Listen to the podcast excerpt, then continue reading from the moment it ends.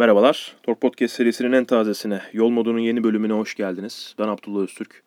Kerim Tar'la birlikte alışık olduğunuz üzere geçtiğimiz hafta otomobil dünyasında dikkatimizi çeken konuları derledik. Onlar üzerine sohbet edeceğiz. Kerim Skype'tan bağlanıyor kendisi. Bodrum'da arada kopmalar yaşanabilir o yüzden affınıza sığınıyoruz. Kerim hoş geldin. Çok dertliyim ben de bu konuda. ne yapacağımı bilemiyorum artık. Hoş geldin, hoş Merhaba geldin. herkese. Hoş geldin. Diyelim ve hemen e, başlayalım istiyorsan çok da fazla uzatmadan. Nedenini açıklamak ister miyiz bu şeyimizin? Yok gerek yok. E, Formula Student takımlarından bahsetmiştik geçtiğimiz podcastlerde. Bize geri dönüş yapın ve sizden bahsedelim demiştik onlara. Çukurova Üniversitesi ilk geri dönen olmuştu ve onlarla alakalı paylaşımda e, bir yapmıştık. Onların paylaştığı şeyi hikayeden paylaşmıştık. Sonra da yine bir paylaşım yapacağımızı söylemiştik. Yapacağız. Diğer Formula Student takımlarından bazıları da bize ulaştı. Bu hafta Sakarya Üniversitesi'nin Formula Student takımından bahsetmek istiyoruz. Onların geçtiğimiz yıllarda yaptığı hayli etkileyici olduğunu düşündüğümüz, Kerim'e ilk söylediğimde yok öyle değildir, o tam olarak öyle değildir dediği bazı şeyler yapmışlar. Ee, geçmişte özellikle 2007-2008 yılında. Kerim neymiş onlar? Şimdi şöyle, e, 2008 yılı deyince 2008 yılını bir hatırlayalım. Bir kere Facebook yeni yeni filizleniyor Türkiye'de. Instagram vesaire yok zaten Twitter falan. E, dolayısıyla sadece haberlerde bir şey görürsek e, ve MSN'de birileriyle o zaman MSN var mıydı hatırlamıyorum. 2008'de herhalde kullanıyorduk MSN. E, hani ne kadar MSN'de insanlar birbiriyle bir şey paylaşıyorsa bunları e, görebiliyorduk. E, bu arkadaşlar karbon fiber jant üretmişler e, ve karbon fiberden monokok e, şasi üretmişler Formula Student otomobilleri için. E, burada şöyle bir detay var. Karbon fiberden ürettikleri jantı biz senle bu kayıttan öncesine kadar motosiklet olarak biliyorduk ama e, galiba çok da emin olmamakla beraber şöyle bir e, kıyaslama yapmışlar. Karbon fiberden onların ürettikleri jant 2 kilo. E, bunun alüminyum dengi 5 kilo, çelik dengi 10 kiloymuş. Dolayısıyla e, orada biraz da ebatlı bir e, janttan bahsediyoruz. Belki irice bir motosiklet jantı olabilir bu. Hı hı. E, karbon fiberden bir gövde üretmek, bir şasi üretmeyi bir şekilde başarmayı anlayabilirim ama jantı üretmek çok kolay değil. Çok hassas ve detaylı kalıplar istiyor. Hı hı. E, ve sonrasında işte içindeki e, elyafın reçine dağılımının ıvır zıvır gibi teknik detayların çok geride olması lazım ki dönmeye başladığında balans yapmasın. E, orada da şu soru geliyor akla. Şu anda örnekse ben kendi atölyemde karbon fiberden parça üretebiliyorum. E, ailecek biz böyle şeylere kafayı kırıp meraklı olduğumuz için. Ama e, şu anda Türkiye'de karbon fiber üretiliyor. Hı hı. E, Dovax'a var, işte Kortsa var vesaire. Yani Sabancı'nın, Aksa Karbon'un vesairenin e, iştirakleri var. E, ve dünyada da sayı, ya bilinen ileri seviyede karbon fiber üreten e, ülkelerden biriyiz. Adet anlamında, hacim anlamında. Ama 2008'de böyle bir şey yoktu. E, dolayısıyla ya da belki Dovax'a yeni başlıyor olabilir o dönem üretimine. Çok da emin değilim şu anda konuşurken aklıma geliyor. E, orada soru şu. Bunu nereden akıl ettiler? E, karbon fiber diye bir malzeme vardı. Evet. Örnekse bizim hayatımızda benim e, şu anda pilotluk yapan bir arkadaşım var. O zaman o zaman da çok e, havacılığa meraklı olduğu için karbon fiberin işte bu havacılıktaki kullanımı vesaire biz kendi bisikletlerimize hep uyarlamaya çalışıyorduk. O zaman Türkiye'de büyük Amerikan markaları vesaireler yoktu bu bisiklet markalarının e, bayileri diyelim. E, birileri ithalatla getiriyordu ve orada görebiliyorduk karbon fiberi ama Hı hı. hani çok böyle şimdiki gibi Instagram'da iki etiketle pat diye yüzümüze vurulan bir şey değildi. Orada e, muhtemelen benim üniversitede okuduğum aynı dönemlere denk geliyor. Ben de o zaman üniversiteye yeni girmiş ya da ikinci, üçüncü senemdi. E, demek ki yaşıtız o arkadaşlarla. E, gerçekten çok acayip bir şey başarmışlar ve o dönem haberleri de çıkmış hatta bu. E, bunu bir araştırınca gördük ama bir iki tane haber kalmış hala. E, diğerleri düşmüş internetten. O anlamda kendilerini kutluyoruz. Yani şu anki otomobilleri ne seviyede ne yaptılar vesairenin çok daha ötesinde Hı hı. bundan 11 sene önce karbon fiber jant üretilmiş. Şu anda karbon fiber jantı kendi üreten firmaları sayalım. Koenigsegg, e, Ferrari bir yerden alıyor. E, aynı şekilde Porsche bir yerden alıyor. Yani çeşitli karbon fiber üreticisi, karbon fiberden ürün üreten firmalar var ama hani marka olarak bunu e, karbon fiber unla suyu karıştırdığımızda ortaya çıkan hamur gibi. Hani ondan ne yapacağını sen karar veriyorsun. Hı hı. Dolayısıyla uzay mekiği ya da e, tabak çanak yapmak arasında müthiş farklar yok e, üretim prensibi anlamında. Buradan jant çıkartmak ortaya müthiş bir şey. Yani gerçekten bir arge yapılmış orada. E, hatta yani şu anda ülkede arge yapıp da böyle bir jant ebadında bir ürün üreten firmaları falan düşündüğün zaman işte böyle ev gereçleri vesaire olsun.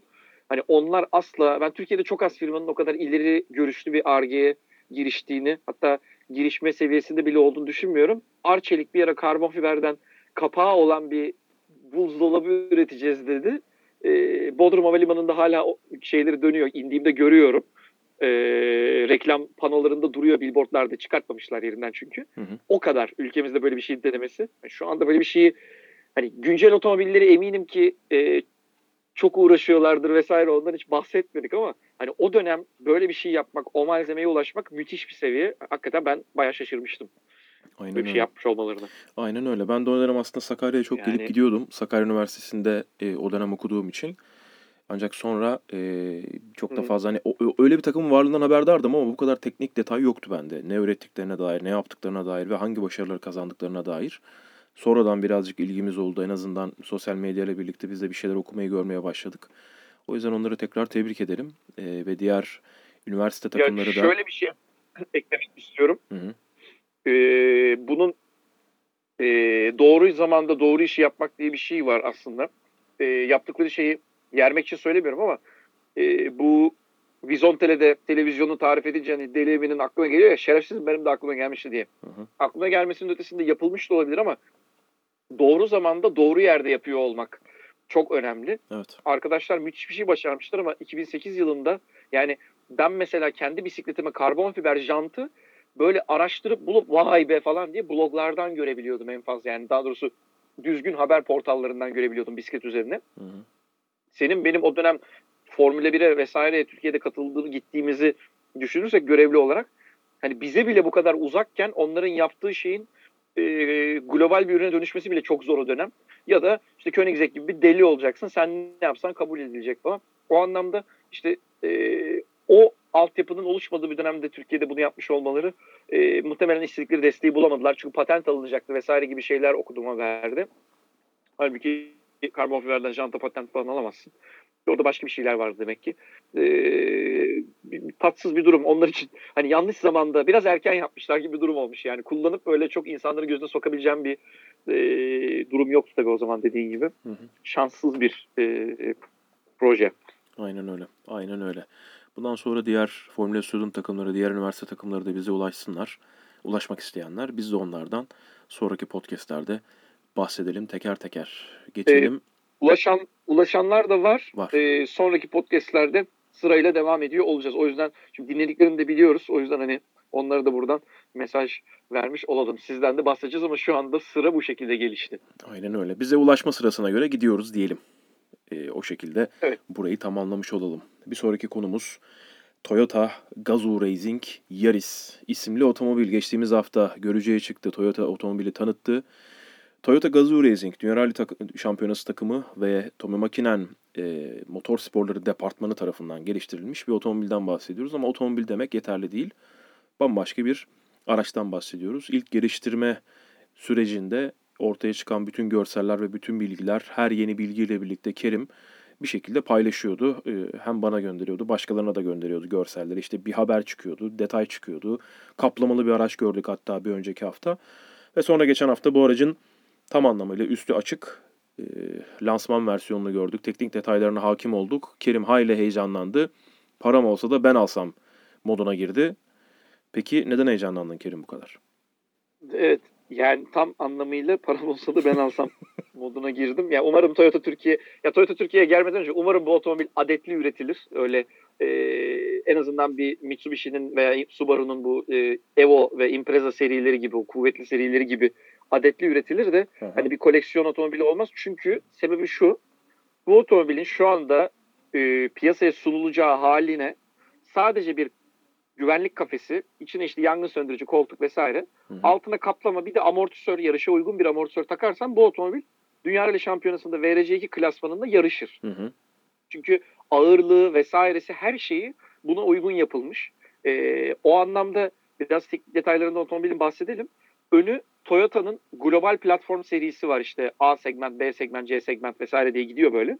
Önü Yaris bu otomobilin ama arkası e, C segment, arkası Corolla. Evet. E, motoru 3 silindirli ama 1.6 öyle 1.2 ya da 1.0 değil. Yani 1600 cc'lik veya 1400 cc'lik bir otomobilin motorunu e, bir silindirini kesip 3 silindiri çıkartıp e, düşürülmemiş. Hı-hı. 1600 cc hacminde 3 silindirli bir motor yapmışlar. Evet. E, e, dolayısıyla e, otomobilin motoru da kendine özgü. Hı hı. E, bir yandan şanzıman ve aktarması da otomobilin kendine özgü. Hı hı. E, hatta şöyle bir küçük bir detaydan bahsedelim. Bu otomobilin gücüne uygun ama çok kısa oranlı 230 km saatte e, otomobil son hızına varıyor. Çok kısa oranlı bir şanzımanı var. Bu da ne demek? E, bu işe uygun bir dişli vesaire e, paketi oluşturman gerekiyor. Yani mevcudunda fabrikanın kendi içinde kullandığı bir e, kaba tırnak içinde ayna mahruti ona olmayacaktır.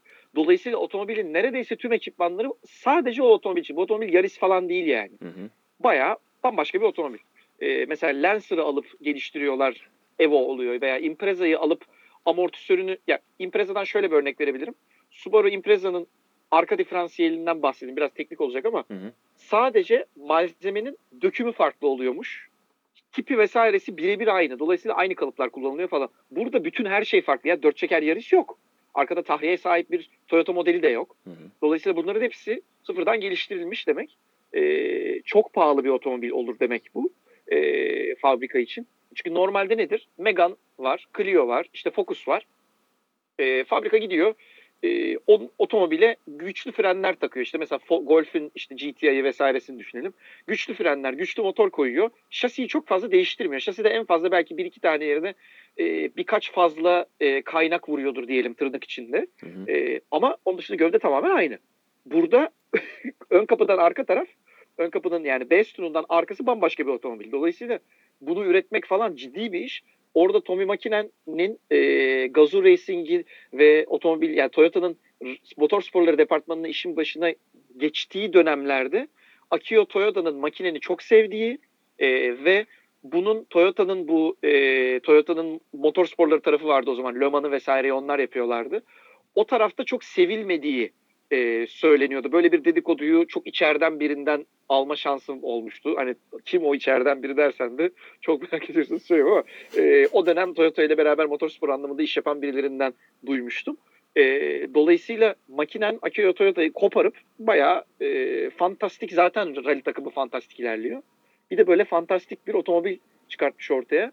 Ne kadardı bunun yurt dışı fiyatı. Focus Ares ile İngiltere'de denk paraya satılacaklar diyor mesela. 28 bin pound'dan başlayacağını düşünüyorlar. 28 bin pound gibi bir evet. rakamdan bahsediyoruz. Ya 30 bin dolardan fazla olacağı, 30 bin avrodan fazla olacağı kesin de. Hani sonrasında evet. ne olur, bizim memleketimize kaç para olarak gelir şu anda pek de bu konuda bir şey söylemek kolay değil. 400 bin TL civarında olacağını düşünüyorum ben en iyi ihtimalle. Yani 350 400. Evet, yani ya 350'nin altına hani 300'e olsun falan gibi şeyler okudum çünkü. Böyle yorumlar okudum ya da ne bileyim mesajlar geldi ben pek ihtimal dahilinde görmüyorum. Çok daha yukarıda, çok daha pahalı yani, bir otomobil olacaktır. E, bir serisi şu anda BMW'nin o yeni çıkan çok çirkin e, ve hiç BMW'ye benzemeyen bir serisi 297 bin TL'ye satılıyor. Alan herkese buradan akıl fikir versin diyorum. Ya kusura bakmasınlar. Ee, bana çok garip geliyor şu anda sıfır otomobillerin fiyatları. Ee, bu kadar meraklı biri olmama rağmen işte sen bile e, geçenlerde bunu söylemiştin. Yani hakikaten sen otomobil almıyorsun. Nasıl oluyor bu iş falan diye. Çünkü bilmiyorum bana çok müthiş pahalı geliyor şu anda fiyatlar. Ee, dolayısıyla hani 300 bin liraya otomobilin satılabilmesi tamam işte şey diye düşünüyoruz ya ya Yaris en nihayetinde ya Yaris de hani sadece farı ve stopları Yaris'e benziyor. Otomobilin hiçbir ya, tavanı karbon fiber ya. Hani bambaşka bir otomobil yani.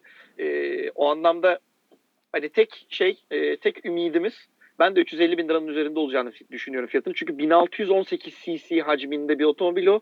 1.4, 1.6 değil 1.6 ve 2 litre mi oluyor artık? O üst segmentte bir ÖTV'ye maruz kalacak. Hı hı. E, çok pahalı olacaktır. E, aynı problemi şey de yaşamıştı. Megan e, pardon Clio 4 Ares'le yaşamıştı. Hmm. Megane Ares'le aralarında yanlış hatırlamıyorsam 3000 euro mu 2000 euro mu ne fark vardı? Hmm. ÖTV e, diliminde aynı dilimde olmalarından ötürü. Hmm. E, dolayısıyla orada çok yapacak bir şey yok.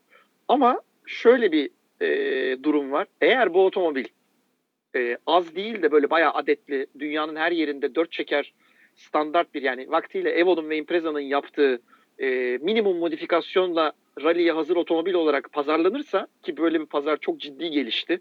Dünyada dört çeker otomobile binmek için bilebileceğim bir yani bir opsiyonun yok artık o kuvvetli ve çok pahalı R5 otomobilleri almaktan başka işte arada farklı departman, farklı denemeler var ama e, bu otomobil o boşluğu dolduracaktır. E, o anlamda eğer ve ümit ediyorum ki Toyota hani bunu bir koleksiyon otomobili olarak yapmıyordur. E, çünkü çok pahalı olması gerekir bunun bir koleksiyon otomobili olması için. Çünkü kendini sübvanse etmesi gibi vesaire detaylar var. Her parçası yeniyken e, çok kolay bir iş değil diye düşünüyorum. E, hani vaktiyle ülkemizde işte Honda Civic Type R kupası yapıldı. işte Evo'ların pist kupaları yapıldı. Bütün dünyada da bu bunlar yapıldı. E, bu tip e, organizasyonlara çok müsait bir otomobil. Yani şöyle söyleyeyim hiçbir şey yapmadan piste sokabilirsin bu otomobili. Arkaya sadece bir e, yarım kafes koysam bile bir tek marka kupasına dönüşebilir. Umarım Toyota Türkiye'ye e, tabii umarız globalde çok üretilir. Ondan sonra da Türkiye'ye e, nispeten ulaşılabilir, kendi içinde ulaşılabilir fiyatlarla gelir. Bu otomobili görme şansı en azından buluruz.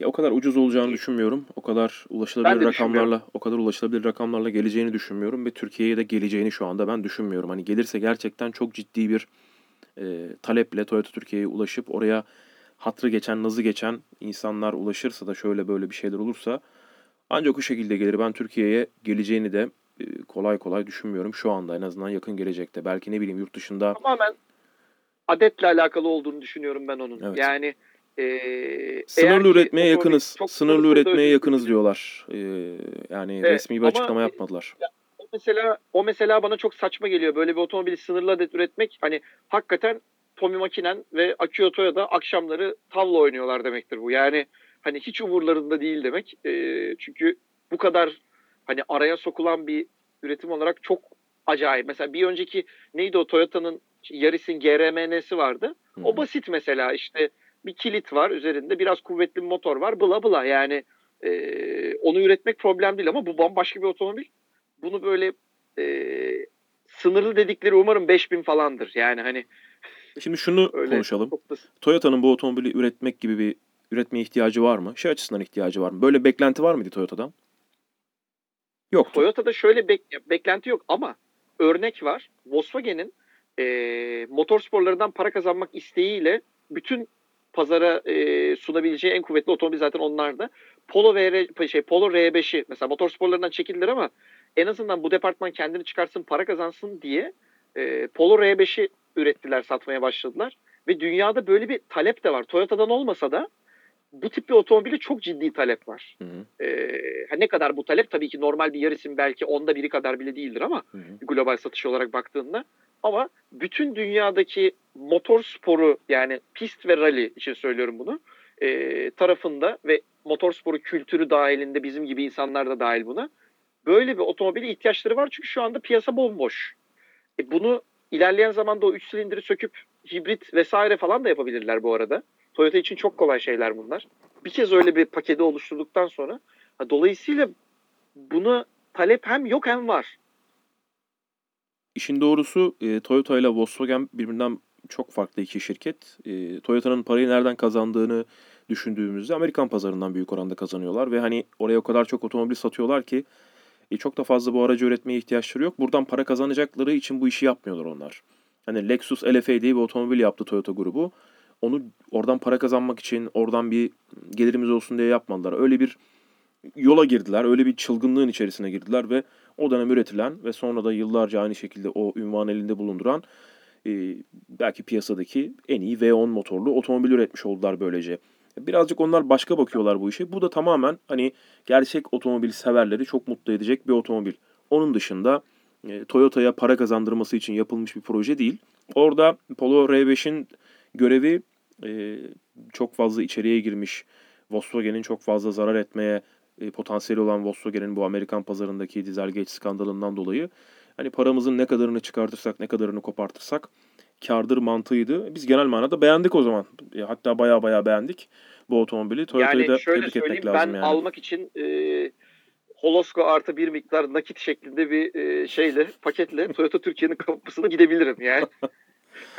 Bilmiyorum ne kadara gelecektir vesaire ama yani e, umarım makul bir ya umarız tabii burada tekrar söylüyorum önce bu otomobil üretilir böyle adetli şekilde 3-5 tane 100 tane 500 tane 1000 tane üretilmez de e, Türkiye'ye de gelir diye umalım sonrası Toyota Türkiye'nin çeşitli şeyleri e, iç dinamikleri diyelim. Bu otomobili bence tanıtmalarının bu kadar hani e, çok da fazla kaç paraya satılacağını, nasıl bir rakama satılacağını e, farklı detaylarsız paylaşılmasının sebebi bir ön bilgi toplama olabilir. Acaba nasıl bir tepki alacağız? Nasıl bir talep gelecek? Şimdi Toyota Türkiye'ye Türkiye'den e, 20 kişi ya da 30 kişi giderse derse ki bizi bu araçtan almak istiyoruz haberiniz olsun. E, Toyota da derse ki tamam verin bakalım şöyle bir kapora. Veya dünyadaki bütün e, Toyota bayileri bunu yaparlarsa İngiltere'de, Fransa'da, Almanya'da, şurada burada e, çok ciddi bir talep oluşursa bu sefer o yönde düşünebilir. Çünkü Toyota isterse bunu 10 bin tane üretebilir, isterse 5 bin tane üretebilir. Yani hem onu üretecek kapasite var, hem onu üretecek altyapı var. İstedikleri şekilde yapabilirler. Bu birazcık talebin talep yönünde ilerleyebilir ama yine de bu otomobilin değerini düşürmemek için çok da fazla üretmezler bu otomobilden. Yani genel manada talebi karşılar. Türkiye'de bu otomobili gerçekten 20 kişi hemen parasını verip cart diye almak isteyecek durumdaysa Türkiye'ye bir 5 tane gelir Kerim. Ama 20 tane gelmez. İşte şöyle bir orada durum var. Ee, bu otomobil bir 10 sene sonra mevcutta Impreza Evo neyse o olabilir. Çünkü öyle olabilir. bir otomobil artık kalmadı. kalmadı. Bunun işte e, Mitsubishi'nin yaptığı gibi işte GSR, RS, ıvır zıvır gibi varyantlarını da çıkartabilirler. Ve bu böyle e, devam etmese bile çünkü ileride Toyota illaki bir hibrit rally otomobili, elektrikli bilmem ne ıvır zıvır yapacak. E, bunun da caddedeki yansımasını kullanmak isteyecektir. E, dolayısıyla o motor sporunu da seviyor Akio Toyota. Dolayısıyla e, böyle bir şeyi eğer ki adetli üretirlerse sonrasında da bunun da bir makinen versiyonu çıkartırlar belki mesela. E, bunun gibi şeylere çok açık bir otomobil. Benim tek şeyim e, hani çok değerli bir otomobil olacağı ilerleyen zamanda. Çünkü böyle bir şey şu anda yok. Üzerinde işte aktif diferansiyeller ıvır zıvır yani Nissan GT-R'ın e, veya işte Impreza'nın son versiyonlarının, Evo'nun son versiyonlarının üzerinde olan o aktif orta diferansiyel falan var. Dolayısıyla akıllı da bir otomobil. E, yani eğer ki bunu yaparlarsa işte vaktiyle Supra neyse, Celica neyse ki Celica aslında çok özelleşmiş böyle acayip bir otomobilde değil yani işte e, bir dörtten dört çeker versiyonu vardı o kadar.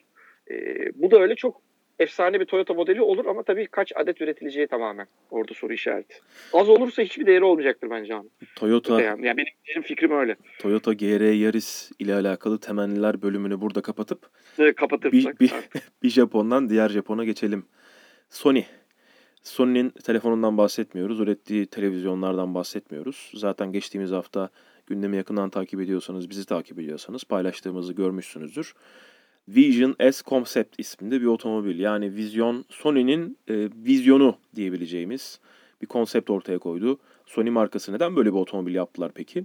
Bunu yapmalarının gerekçesi markaya sorulduğunda biz otomobiller üzerinde nasıl teknolojiler geliştirebileceğimizi, bunu nasıl somutlaştırabileceğimizi tam anlamıyla hani somut şekilde göstermek istedik ve bu yüzden e, Las Vegas'ta gerçekleştirilen yılın her e, ilk ayında gerçekleştirilen, her yılın ilk ayında gerçekleştirilen teknoloji fuarında SES'te görücüye çıkardılar bu otomobili. Bu otomobilin platformunu Magna üretti, Kanadalı Magna üretti. Ee, özellikle teknolojik altyapısının bir bölümünü Nvidia'dan, ZF'den ve Bosch'tan aldılar. Continental'le çalıştılar keza aynı şekilde. Ve bu otomobili ortaya çıkardı Sony'de kendi teknolojilerini göstermek için. Kerim ne diyorsun bu araçla alakalı? Ben zamanlaması manidar diyorum. Çünkü anlattıkları her şey e, bundan birkaç hafta önce işte ayın 27'si miydi? E, TOG grubunun e, CEO'su e, Güray Bey'in anlattığı şeylerin paralelinde ilerleyen e, şeyler. Yani ne diyor? Otomobil ilerleyen zamanda şu anda da öyle işte Tesla bunları başarmaya başladı. E, otomobil bir elektronik ürün, e, insanların içinde vakit geçirdikleri elektronik bir ortam. Dolayısıyla da buna e, başka yaklaşmak lazım. İleride farklı bir hale gelecek diyor. Yani gelecekteki otomobil e, vizyonu, projeksiyonu bu şekilde. E, Sony'de biz bunu istersek bu şekilde lap diye yaparız diye. En de acayip ekiplerle işte Nvidia gibi e, işte Continental'in bir sürü e, lastikle ilgili e, çalışması vardır. Hatta bizim Facebook'un Facebook olduğu dönemde paylaştığımız ve böyle birkaç milyon izlenen bir hatırlar mısın? Konsept evet. lastik videosu evet. vardı. O da Continental'in e, bir üniversiteye mi, üniversite öğrencilerine nasıl bu kadar yürüdü ya diye hiçbir şekilde anlayamadığımız. Evet evet aynen yani bazı videolar vardır ki Karabaş adını verdiğimiz. Karabaşçılık. evet Karabaşçılığın kazandığı. Ee, Onun bir numarası insanlar... biliyorsun Esprit Quattro'dur. Evet onların ilk ilki Esprit mi ilki lastik videosu mu hatırlamıyorum tamam ama Bir tanesi Esprit Quattro'da Esprit Quattro'yu böyle her, yılda bir atardık hatırlıyorsan. Evet, evet, evet. Yani böyle bir atalım da canlansın ortalık. evet, o zaman o zaman Mark Zuckerberg e, denen arkadaş şey değildi. Çok dahili yoktu e, bu işlere. içinden geçmemişti Facebook'un. Neyse. E, günün sonunda çok üst seviye e, ve ARGE vizyonu çok gelişmiş, çok ileride olduğunu bildiğimiz e, markalarla da bunu gerçekleştiriyorlar. Hı hı. E, işte Nvidia'nın e, bir ekran kartı firması olarak başladılar diyelim aslında bilinen oydu ama hı hı. E, bir 10 küsur yıldır, 10-12 senedir belki daha fazla süredir e, ekran kartının işlem gücünü, ekran kartının kendi yapısından dolayı gelen işlem e, potansiyelini, güç potansiyelini ortaya çıkarttılar. Hı hı. Hatta bu Bitcoin e, mining denen işte şeylerde ekran kartlarının işlem gücü e, çok ileri seviyede. Benim de e, bilgisayarda görselleme yaptığım dönemden bildiğim bir şey bu. Şu anda çok uçuk hızlarda e, render dediğimiz bu e, materyallerin fotoğraflaştırılması işte bir çizimin fotoğraf haline gelmesi işlemini çok hızlı hale getirdiler. Bir bilgisayar e, 8 çekirdek, 32 çekirdek bir ekran kartı belki işlem gücü 5'te 1 ama 1000 çekirdek, 1500 çekirdeklere falan gelmeye başladı böyle. Hmm. E, bunun altyapısını kullandığın zaman 5G'de çok hızlı birbirleriyle iletişebilen ürünler ortaya çıkartabiliyorsun.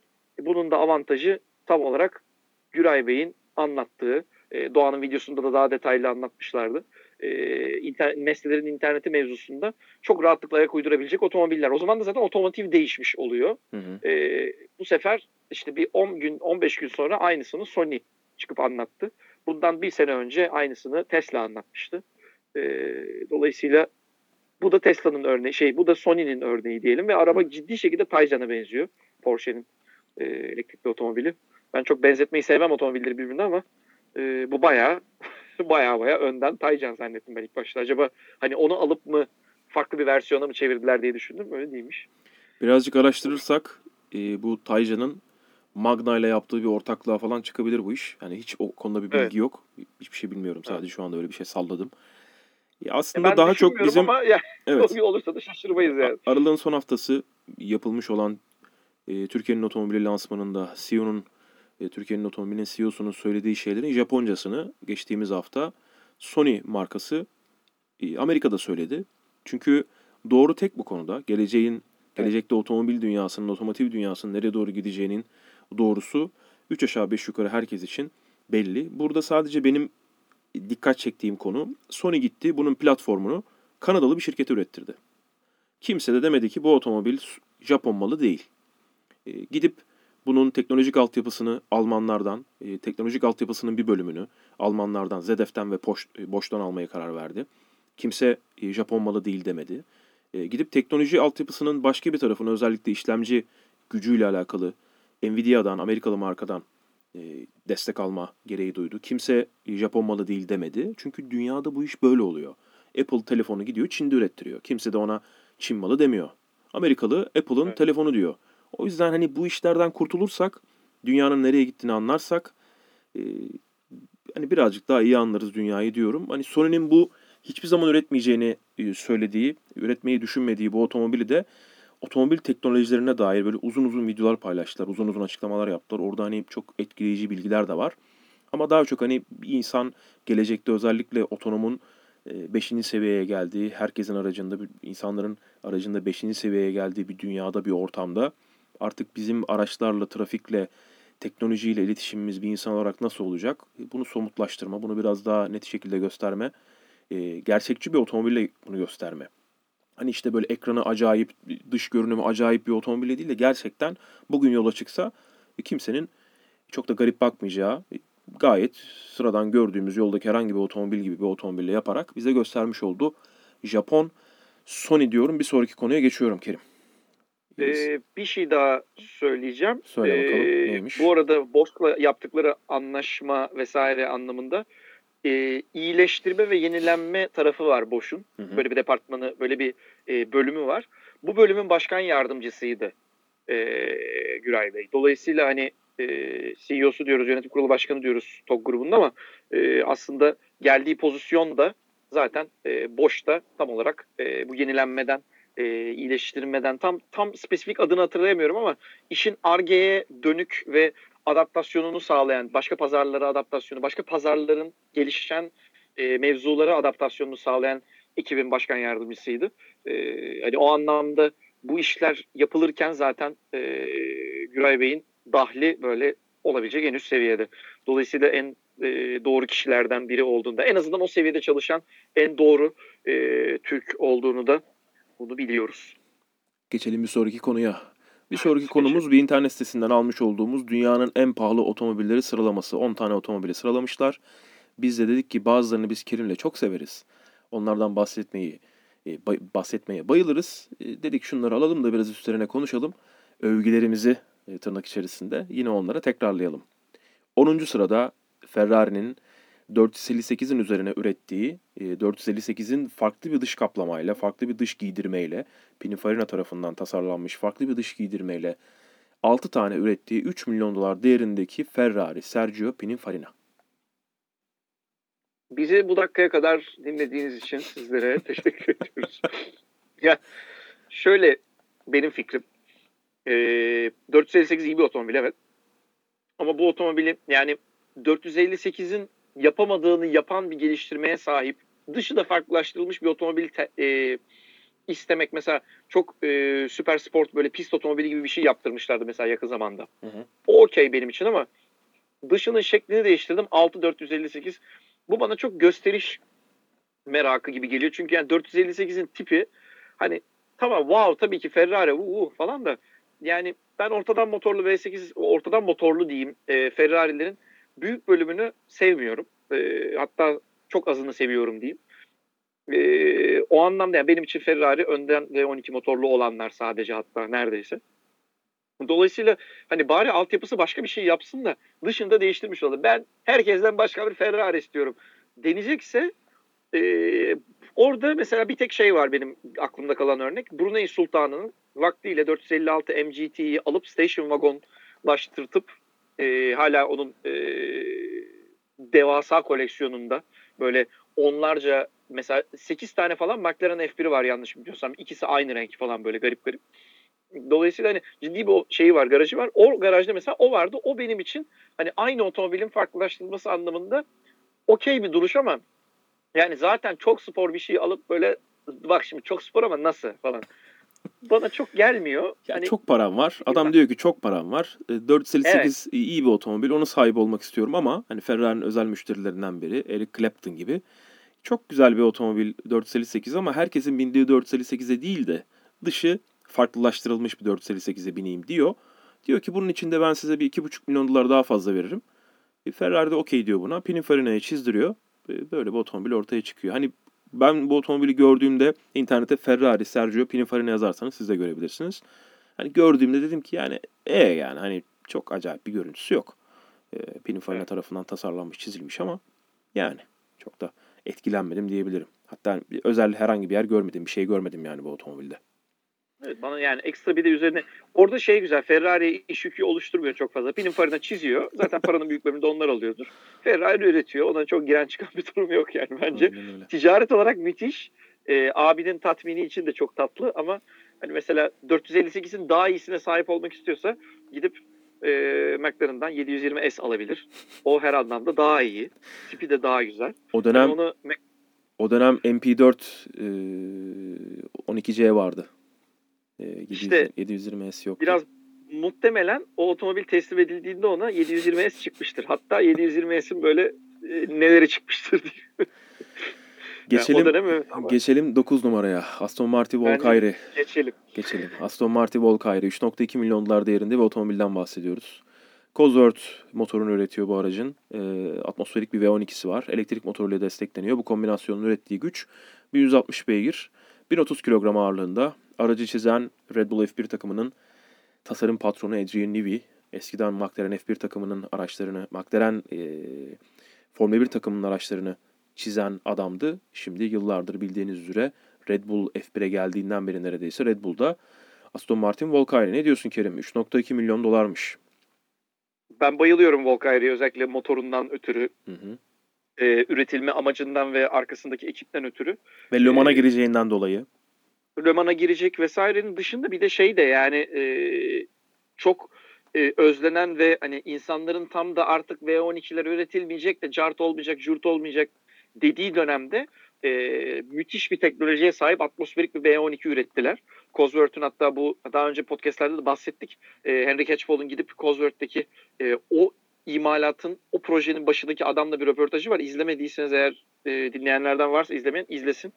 E, Carfaction'da bunu e, paylaştılar. Yani Cosworth'te bir mühendisin işine ne kadar hakim olduğunu anlatmak saçma olur da e, adam o kadar normal şekilde öyle üst detayları, öyle ileri seviye detayları ve çok peynir ekmek anlatır gibi anlatıyor ki yani hakikaten adama e, saygı duymuştum. Yani bak çok tatmin edici bir video e, teknik detay meraklıları için. E, ben o otomobili beğeniyorum aşırı derecede. Gerçi o otomobil o versiyon o motorla yarışmayacak e, bildiğim kadarıyla evet, Le bambaşka bir, bambaşka bir motorla yarışacaklar. Bambaşka evet. bir güç ünitesiyle yarışacaklar. O biraz üzücü olsun. Geçelim 8 numaraya. Bugatti Chiron Sport. 3.3 milyon dolar. Bak bütün otomobillerin karşısına bir açıklama yazmışım notlara bakarsan. Evet. E, Bugatti Chiron'un karşısında sadece rakamı var. 3.3 milyon dolar değerinde. E, ne diyorsun? Yani işte Bugatti Chiron, Miron. Yani Bugatti Chiron'u çıkardıktan sonra daha sert ve daha e, performans odaklı bir versiyonunu çıkardık. Ancak bunun için normal Chiron'dan sizden 500 bin dolar daha fazla para istiyoruz diyor Bugatti. E, neredeyse aynı otomobil için. Satın alan da diyor ki okey olur. E, daha pahalısını satın alıyor. 3.3 milyon dolar. Alan memnun, satan memnun. Ben bir şey diyemiyorum ama hani hiçbir özelliği olmayan e, çok kuvvetli çok büyük geçmişi olan bir markanın çok kuvvetli bir otomobili. Yani ne bileyim ben o kadar milyon euro vereceksem gider böyle daha eski e, gerçekten değerli bir Bugatti'ye sahip olmak isterdim. Yani Bugatti'nin o Veyron, Chiron falan müthiş mühendislikler falan filan da yani tek sunduğunu iddia ettiği şey 400'e çıkması ve müthiş mühendisliği onun da yarısını yapamıyor sunduğu şeylerin. Çünkü e, işte Koenigsegg geldi, e, geçti gitti. Yani e, biraz şey Bugatti, Bugatti e, Chiron, Veyron'da da aynı, aynı şey geçerliydi. Chiron'da da aynı şey geçerli. Bazen bazı parçalarını paylaşıyoruz. Çok ciddi mühendislik içerdiği için o parçalar. Onları paylaşıyoruz. E, otomobil otomobil mühendisliğinin nereye geldiğini gösterebilmek adına, görmek adına. E, hani biz bunları gördüğümüz zaman paylaşıyoruz ki insanlar da görsünler diye. Bazı parçaların spesifik olarak paylaşılması vesaire bu başka bir şey. Bugatti evet. burada bir fayda, çok ciddi bir fayda ortaya koyuyor Bugatti markası. Helal olsun. Ama ortaya koydukları acayip bir otomobil, ortaya çıkardıkları ürün açısından söylüyorum. Acayip bir otomobil mühendisliği falan yok ortaya çıkardıkları. Yani e, bünyelerindeki bir sürü, Volkswagen grubunun bünyesindeki bir sürü araştırma geliştirme departmanının ortaya çıkardığı bir bilgi havuzu son anda Bugatti ile birlikte, Bugatti'nin önce Veyron ile sonra da Chiron'la birlikte somutlaşıyor. Yani bütün Volkswagen grubunun ortaya çıkardığı çilek aslında Veyron ve Chiron. E, acayip bir Bugatti şirketi sıfırdan çıktı da böyle bir otomobil yaptı değil yani. Volkswagen grubunun ortaya çıkardığı bir şey. Öbür tarafta niye durmadan papağan gibi Koenigsegg diyoruz? Delinin biri İsveç'te ortaya çıkıyor o kadar karın içerisinde diyor ki ben bir otomobil yapacağım. İki doblo adamla gidiyorlar. Bugatti'nin bilmem kaç bin kişiyle ortaya koyduğu şeyi bir doblo adamla, iki doblo adamla kırıyor rekoru. Hadi uğraşın diyor sonra. Hani bu böyle yapılabiliyorsa diyorum demek ki çok da etkileyici bir şey değilmiş. Hani çok da değil hiç etkileyici bir şey değilmiş diyerek 7 numarada 7. sırada çok etkileyici bir araca geçiyorum Kerim. Bugatti Veyron Vivere by Mansory. İşte Falana ve filansa. 3.4 milyon dolar. Mansory'yi yakından takip edenler otomobil dünyasını bilirler. Ünlü Alman bir modifiye markasıdır Mansory. Aracın dışına böyle bir işte etekler koymuşlar. Ön tarafa tampona bir şey koymuşlar. Arkaya bir şey falan filan. 3.4 milyon dolar. İşte geçelim. O şey gibi işte o Ferrari'yi seviyorum ama bak şöyle olsa daha çok seveceğim. Hadi Allah sen yapın bana falan. Ya Allah hakikaten. Dubai merkezi, Zengin, Dubai merkezi, Zengin. Dubai merkezi W Motors Leycan Hypersport 3.4 milyon dolar. Söyleyemiyorsun ama satın alabiliyorsun eğer paran varsa. Farlarının yapımında mücevher kullanılmış Dubai merkezi bir markanın süper otomobili demişim. Vah benim ana. yani zenginin malının züğürdün çenesini en kötü şekilde yorma. Sarışının adı Esmer'in tadı mı diyorsun? Ne diyorsun anlamadım ki ben. Hayır, yani bu kadar lezzetli üç otomobille e, çenemizin yorulması yani Bak bak bak çok çok acayip lezzetli Milon, bir çok acayip lezzetli bir otomobile geliyorum. Hiç ona Dubai hiç podcast'i konuşmayalım bile o şu otomobilden. Lamborghini Veneno. Ne ne no? Veneno. Yani. Lamborghini ben onu, Lamborghini sana ne? Ya mesela şunu ben e, merak etmiştim otomobille ilgili. E, bence çok çirkin. E, Karlıkçı Halil hani böyle bazı otomobilleri alıp değiştiriyor falan ya bir ara TRT'de öyle bir program vardı. Korkunç böyle bir güz- dünya güzeli bir 406 kupeyi alıp neye çevirmişlerdi? Ferrari'ye benzetmişti. Hatırlıyorsun değil mi onu? Evet. Çok fena. Böyle modifiye savaşları falan gibi de bir, aptal bir adı vardı. Evet. Ee, o, o Veneno alınıp Nınlı. bir Nınlı. ya bir bir Nınlı. bakalım şimdi buna ne yapacağız falan diye. Ya hiçbir yerde görmedik. Ee, sürüşünü şey yapmadık. Hani kim duymuş, nereden kulağına söylemişler belli değil. Şimdi Lamborghini'nin ver- e, verdiği rakamlar var zaten. Bu Lamborghini Veneno Aventador'un üzerine inşa edilmiş 50. yıl özel otomobili. 2013'te. Saçma sapan bir otomobil. 4.5 milyon dolar değerinde bir otomobilden bahsediyoruz. 14 adet örnek üretiliyor. Ee, şeyi çok bilmem ben. Şu bu veri bende yok. Sende var mı? Ee, pistte veya işte performans kullanımında yanal G olarak e, maksimum rakam şuna ulaşıldığı bir otomobilde dediğin bir rakam var mı? Sende. Şu çok iyi bir Yani- rakamdır diyebileceğin yanal Binek, G'de. binek, binek otomobil olarak tamamen lastiğe bağlı. Formula 1'de öyle şeyler duyuyoruz. Orada da onu otomobilden sayamayız. İşte Formula 1 1.4 otomobilleri. G gibi bir rakamdan bahsediyorlar yanal G olarak. Ee, mesela çok Müthiş. çok çok iyi çok iyi bir rakamdan bahsediyorlar. Ee, biraz Evet. işte baktım diğer şeylere de çok iyi bir rakam bu. Ee, Veneno adına. Özellikle Müthiş işte o, o koydukları kanatlar şunlar bunlar falanla filanla pist üzerinde çok etkili bir otomobil diyorlar ama kimseye kullandırtmadılar bu aracı. Sadece Heh, özel ederim. e, sadece özel müşteriler hani kendi e, geliştirme araştırma geliştirme ekibinin pilotları kullanmış. 1.4 G'lik bir e, hesaplama yapılmış yani araç içerisindeki G ölçerde. O kadar. Onun dışında bu otomobilin sahipleri aldılar bu otomobili 4,5 milyon dolara e, şık garajlarına koydular. Diyelim bir sonraki araca geçelim. Bizim çok çok çok çok çok sevdiğimiz marka Koenigsegg'in CCXR Trevita'sı. 4.8 Hmm. 4.8 milyon değerinde. Sadece iki örnek üretilmiş bir bu otomobil. Evet. En büyük özelliği beyaz boyalı elmas dokuma karbon gö bak bak bak cümle bitmiyor. Evet. Cümle bitmesin. cümle bitmesin istiyorsun bak. Bir daha söylüyorum. Beyaz boyalı elmas dokuma karbon gövdesi. Sonra sen Evet. bana gel Bugatti Chiron Sport da Allah aşkına yani Tabii, tabii, Aynen öyle. Şimdi lütfen. Koenigsegg'le ilgili e, biraz bilgi. Sizin de bildiğiniz üzere. Biraz biraz Evet, biraz. Evet. Trevita'nın detayından bahsetmiştik Kasım sayısındaki e, Koenigsegg yazısında. Çıtlat bize biraz daha. E, şöyle anlatacağım. Deminden beri o Chiron, Miron falan filon işte yok. Ön tarafına bilmem ne koymuşlar. Farlarında falan varmış falan. E, dalga geçiyor olmamın sebebi, beğenmiyor olmamın sebebi şimdi Trevita için bir malzeme tanımı yapılıyor. Deniyor ki ben bu otomobilin dışının böyle görünmesini istiyorum. Ama öyle görünmesi için gidip pırlanta kullanmıyor. Onu e, yani alıp pırlantayı farın içine koyarak e, bir arge yapmış olmuyorsunuz. Arge nasıl yapılıyor? Gidiyoruz e, bizim mevcudunda böyle çok ileri seviye karbon fiberden malzeme üret şey e, malzeme tedariği yapan insanlarımız var. O insanlarla konuşuyoruz ve beyaz görünen e, karbon fiber elyafları bilmem neleri vesaire onun içine şunları bunları yedirelim nasıl yapalım? Bunun benzerini e, vaktiyle Pagani yapmıştı mesela. Benim Pagani'nin en ve tek hatta takdir ettiğim e, kısmıdır diyeyim Hı hı. e, şahsım adına. Karbon fiberin içine, karbon fiber çok gevrek bir malzeme olduğu için çarpma anında kırılıp yok olabilir.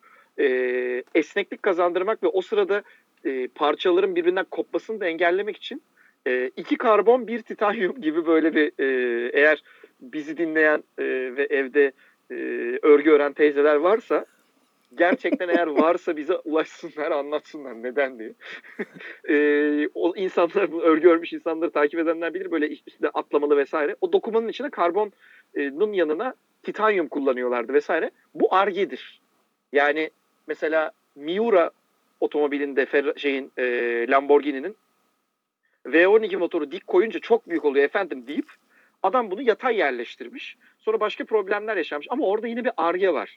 Ama yani Aventador'u aldık dışına kanat taktık ve 1.4 G çekti. Aferin size yani zenginin malı züğürdün çenesinin çok pahalı versiyonu onlar. Hele o Chiron vesaire falan mesela dediğin gibi müthiş teknolojiler, acayip argeler falan da ortaya çıkan şeyde e, o argeden çok da bahsetmeyip veya o argeyi böyle senaryolaştırıp o kadar zor günlerdi ki 28 tane radyatör koymak zorunda kaldık falan gibi böyle anlatıyorlar ya hani e, işte bir derecelik fark bizi bitirebilirdi uf ters siliyorlar falan alınlarından.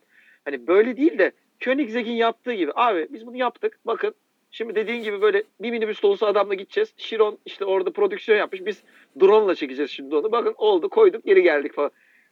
Bu çok daha değerli ve çok daha şeffaf bir yaklaşım. Ya adam o kadar kötü o kadar kötü bir yani. sosyal medya yönetimine sahip ki böyle fotoğraflar çekiyorlar arabanın yarısı yok.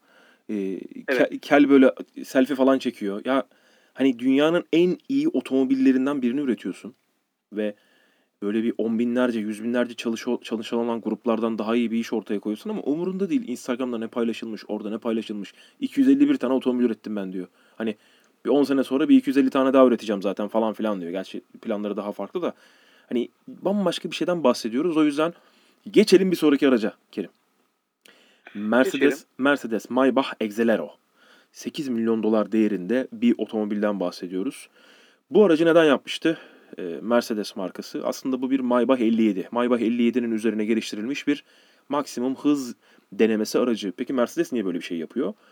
Full'da 2005 yılında maksimum hız lastiği testi için Mercedes'ten bir otomobil istiyor. Geçmişte de geçtiğimiz 10 yıllarda da hani 2050 şey 1950 ya da 1960'lı yıllar olabilir. Tam tarih şu anda bunun paylaşımını yapmıştık da kafada şu an bir sürü bilgi var. Hepsi birbirine girdi. E, Fulda evet. yine Fulda yine gidiyor Mercedes'ten böyle bir araç istiyor ve böyle bir çalışma yapıyorlar yıllar önce. Çok daha eski olabilir. E, sonra, Çok daha eski. Sonra, evet sonra gidiyor Fulda yeniden e, böyle bir maksimum hız lastiği geliştirdikten sonra Mercedes'ten yine böyle bir araç istiyor. Mercedes de Maybach 57'nin üzerine Maybach Exelero isminde bir otomobil inşa ediyor. One of bir otomobilden bahsediyoruz. Bir tane üretiyorlar. 8 milyon dolar değerinde. Şu anda da birine satmışlardı onu ama tam olarak kim olduğunu hatırlamıyorum yine. E, ne diyorsun bu araçla alakalı? Yani çok eskiden gördüğümüz bir konseptti o. Hı hı. Ee, yani okey. tamam. çok yüksek hıza çıkacağı söyleniyordu. O kadar. Şeye benziyor bir de. E, eski Batman'in çizgi filmlerindeki e, Batmobile'e benzetmiştim evet, ben evet. ilk başta. Eyorlamam bu kadar kendisiyle ilgili. 350 kilometrenin üzerinde bir hıza çıkmış. Sonraki otomobil Rolls-Royce Sweptail 12.8 milyon dolar değerinde markanın özel müşterilerinin özel isteğiyle geliştirilmiş uzun kuyruklu bu otomobilin fiyatı aslında resmi olarak hiçbir zaman açıklanmadı. E, marka bu otomobille alakalı bir rakam vermedi ama bu otomobilin 12.8 milyon dolar değeri e, gibi bir rakama satıldığı söylendi. Yani duyulan bir şekilde bir rakam bu oldu. Çok özel müşteriler böyle bir otomobil istemişler Kerim. Rolls Royce'da çok özelmiş müşteriler için. Hani Rolls Royce dendiği zaman tam olarak aklıma o geliyor. Zenginin çenesi züğürdün, zenginin çenesi züğürdün cebi. Zenginin malı züğürdün çenesi artık hepsi birbirine o kadar. Zenginin çenesinin züğürde kadar değmesi durumu falan böyle. Aynen öyle. Hiç artık. Tam olarak Rolls Royce ee, markası aklıma geliyor yani. E, Rolls Royce'u ben mesela e, nasıl diyeyim? Ya Bugatti Chiron'un yaptığıyla ya Bugatti Chiron da e, o Sweptail denen otomobili yan yana koyduğun zaman hani Rolls Royce'un olayı bambaşka ya. Evet. E, hani mükemmel konfor işte özellikler ıvırlar zıvırlar başka bir yaklaşım. E, o anlamda ben Rolls Royce'u seviyorum. E, ben de seviyorum. da ben de sevmiştim seviyorum. de yani hani tabii üretildi mi üretilecek mi ne olacak bir ara müthiş bir paradan bahsedildi işte 16-17 milyon eurolara çıktı fiyatı dendi. Şimdi 13.8 dedin yanlış. 12.8. Şey 1 milyon doları da sen koydun üstüne bak. Bonkör 1 milyon ben koydum üzerine. O işte şey taşıması nakliyesi ıvırı zıvırı. ee, yani güzel görünüyor. Ee, bir e, background'u olan da bir otomobil. Yani geçmişe dokunan da bir otomobil. Ee, Atlantik modelinden vesaireden. Ee, şey Atlantik diyorum. Aman. Onun e, da, üzerinde geliştirildiği bir e, versiyon vardı. Evet evet. Daha doğrusu ondan ilham aldığı diyeyim. Evet. Konuşamadım. Evet. Ee, o anlamda güzel bir otomobil de tabii. Atlant... 12.8 milyon evet. bilmem ne. Kaç tane üretildiğini de bilmiyoruz hani e, bu otomobilden. Belki bir tane üretmişlerdir. O konuda tam net bir bilgi yok. Bir, benim bildiğim kadarıyla üretilmedi. Tanıtıldı. Lazımsa yaparız dediler ki yani Rolls Royce lazımsa yapabileceği şeyler içinde uzay mekiği motoru falan olduğu için e, çok da dokunmaz onlara diye düşünüyorum. Geçelim bir sonraki otomobile. Siyah otomobil. Bugatti La Noir. 12 milyon dolar değerinde. Markanın kurucusu ve isim babası Ettore Bugatti'nin ürettiği Type 58 Atlantic. Atlantic buradan aklımda kaldı. 58, evet evet aklı, oradan aklıma kaldı aynen öyle. Type 58 Atlantic'in günümüzdeki yansıması olarak çıkarılan tek örnek bir Bugatti. Önce Cristiano Ronaldo'ya satıldı diye bir e, fototor haberi çıktı yurt dışında. Ancak sonra e, gördüler ki hayır öyle bir durum gerçekleşmemiş, olmamış. Zaten otomobilde henüz hazır değil. E, motorunu falan da çalıştıramıyorlar çünkü öyle bir otomobil yok. Öyle bir otomobil var demişler. Aslında yok. Aslında yok. Alayımızı PR ve şey basın bülteniyle kandırdılar. ya baktılar e, Elon Musk e, otomobil çıkarttım diyor. E, çıkartmıyor. Ve çok ciddi para kazanıyor. Bir de biz böyle deneyelim demişler herhalde. Onlar da öyle yapmışlar. Diyelim. Bir sonraki araca geçelim. Son aracımız. Ferrari 258. 258 diyorum. 250 GTO. 70 milyon dolar değerinde. Bu aracın sıradan 258 250 GTO 258 nereden geldi aklıma şu an gerçekten? 258 diye bir otomobil var mı diye hemen bakıyorum. Hadi bak. E, bu aracın sıradan versiyonu 40 milyon dolara satılıyor. Sıradan versiyonu derken e, nasıl bir sıradanlık? E, bu aracın özel olmasının gerekçesi 4153 GT şasi kodlu bir otomobil bu. 1963 yılında Tour de France'a katılmış ve Tour de France'ı kazanmış. O yüzden de bu aracın satış rakamı çok yüksek. Aracın son sahibi ise şu anda otomobil parçaları satan e, WeatherTech isimli şirketin sahibi olan ve 250 GTO dışında birçok Ferrari'si de bulunan David McNeil isimli bir Britanyalı Kerim. Ona en birinci zengin madalyasını veriyor ve bir sonraki konuya... Öyle en birinci zengin de değil bu arada. Adam hani böyle korkunç parası yok. Sadece e, güzel bir Ferrari garajı varmış. Ve bu bir açık arttırmayla satılmamış. E, şöyle söyleyelim. Bu aracı çok iyi, çok özel bir Ferrari garajı olan isimler arasında gezdiriyorlarmış ki. Be- bedeli karşılığı. Aynen öyle. Bedeli karşılığı. Çünkü adam e, alabiliyor sonuçta yani bu bu aracı gidip de e, işte kaç paraysa artık gidip satın alabildiği için çok iyi garajı olan, çok iyi Ferrari garajı olan adamlar e, zaman zaman işte iki senede bir, işte senede bir ya da üç senede bir bir açık artırma yapılıp e, o garajlara geziyormuş bu araç. Mantığı buymuş yani. Varsa 70 70 milyon dolar. Yani ha? korkunç parası yok dediğinde yine su içinde böyle bir 5-6 milyar eurosu vardır diye düşünüyorum ben abi. hani korkunç para dediğimiz zaman aklımıza Jeff Bezos geliyor ya 150 milyar dolar falan geliyor ya hani artık Jeff Bezos'u ya ben üzülüyorum bir yandan gerçekten çünkü Jeff Bezos'un hani, çok parası var demişler. Zor bir var. hayat olsa gerek. Geçelim bir sonraki konuya o zaman. Sen çok konuşasın yok evet. bunlarla alakalı. Benim de yok. Yani e, şey şöyle işte Tour de France'ı kazanan bisiklet benim için daha e, anlamlı. Ne bileyim Senin ben. Için öyle. Yani. Tesla. 250 GTO çok sevdiğim bir otomobil ayrı konu ama. 258 GTO o, peki? 258 GTO diye bir otomobil yok. 258 diye bir otomobil de yok. Baktım şimdi. Benim sevdiğim 250 GTO şey olan şu e, yurt dışında Bradvan olarak bilinen bir tane versiyonu evet, var onun. E, evet, arkası evet. E, station wagon ya da shooting brake diyelim. E, ben o versiyonunu mesela sahip olmak isterdim. Hani Ekmek hangi arabası. 250 GTO desem benim için odur. 250 GTO'nun benim için arzu nesnesi olan versiyonu. Bir gün 258 GTO yaparlarsa ben ona talip olurum. Sen de 258 GTO evet. Tesla'nın yeni lityum iyon batarya teknolojisi sayesinde 1 milyon mil yani 1.6 milyon kilometre sorunsuz ömürlü bataryalara sahip olmanın e, hiç uzak olmadığını söylüyor Elon Musk. Kanada'daki Dalhousie Üniversitesi ile yapılan ortak çalışmada yeni bir batarya teknolojisini geliştirmişler ve bunu patentlemişler. Amerika'da bir otomobilin ömrü genelde kerim 150 bin mil civarındaymış.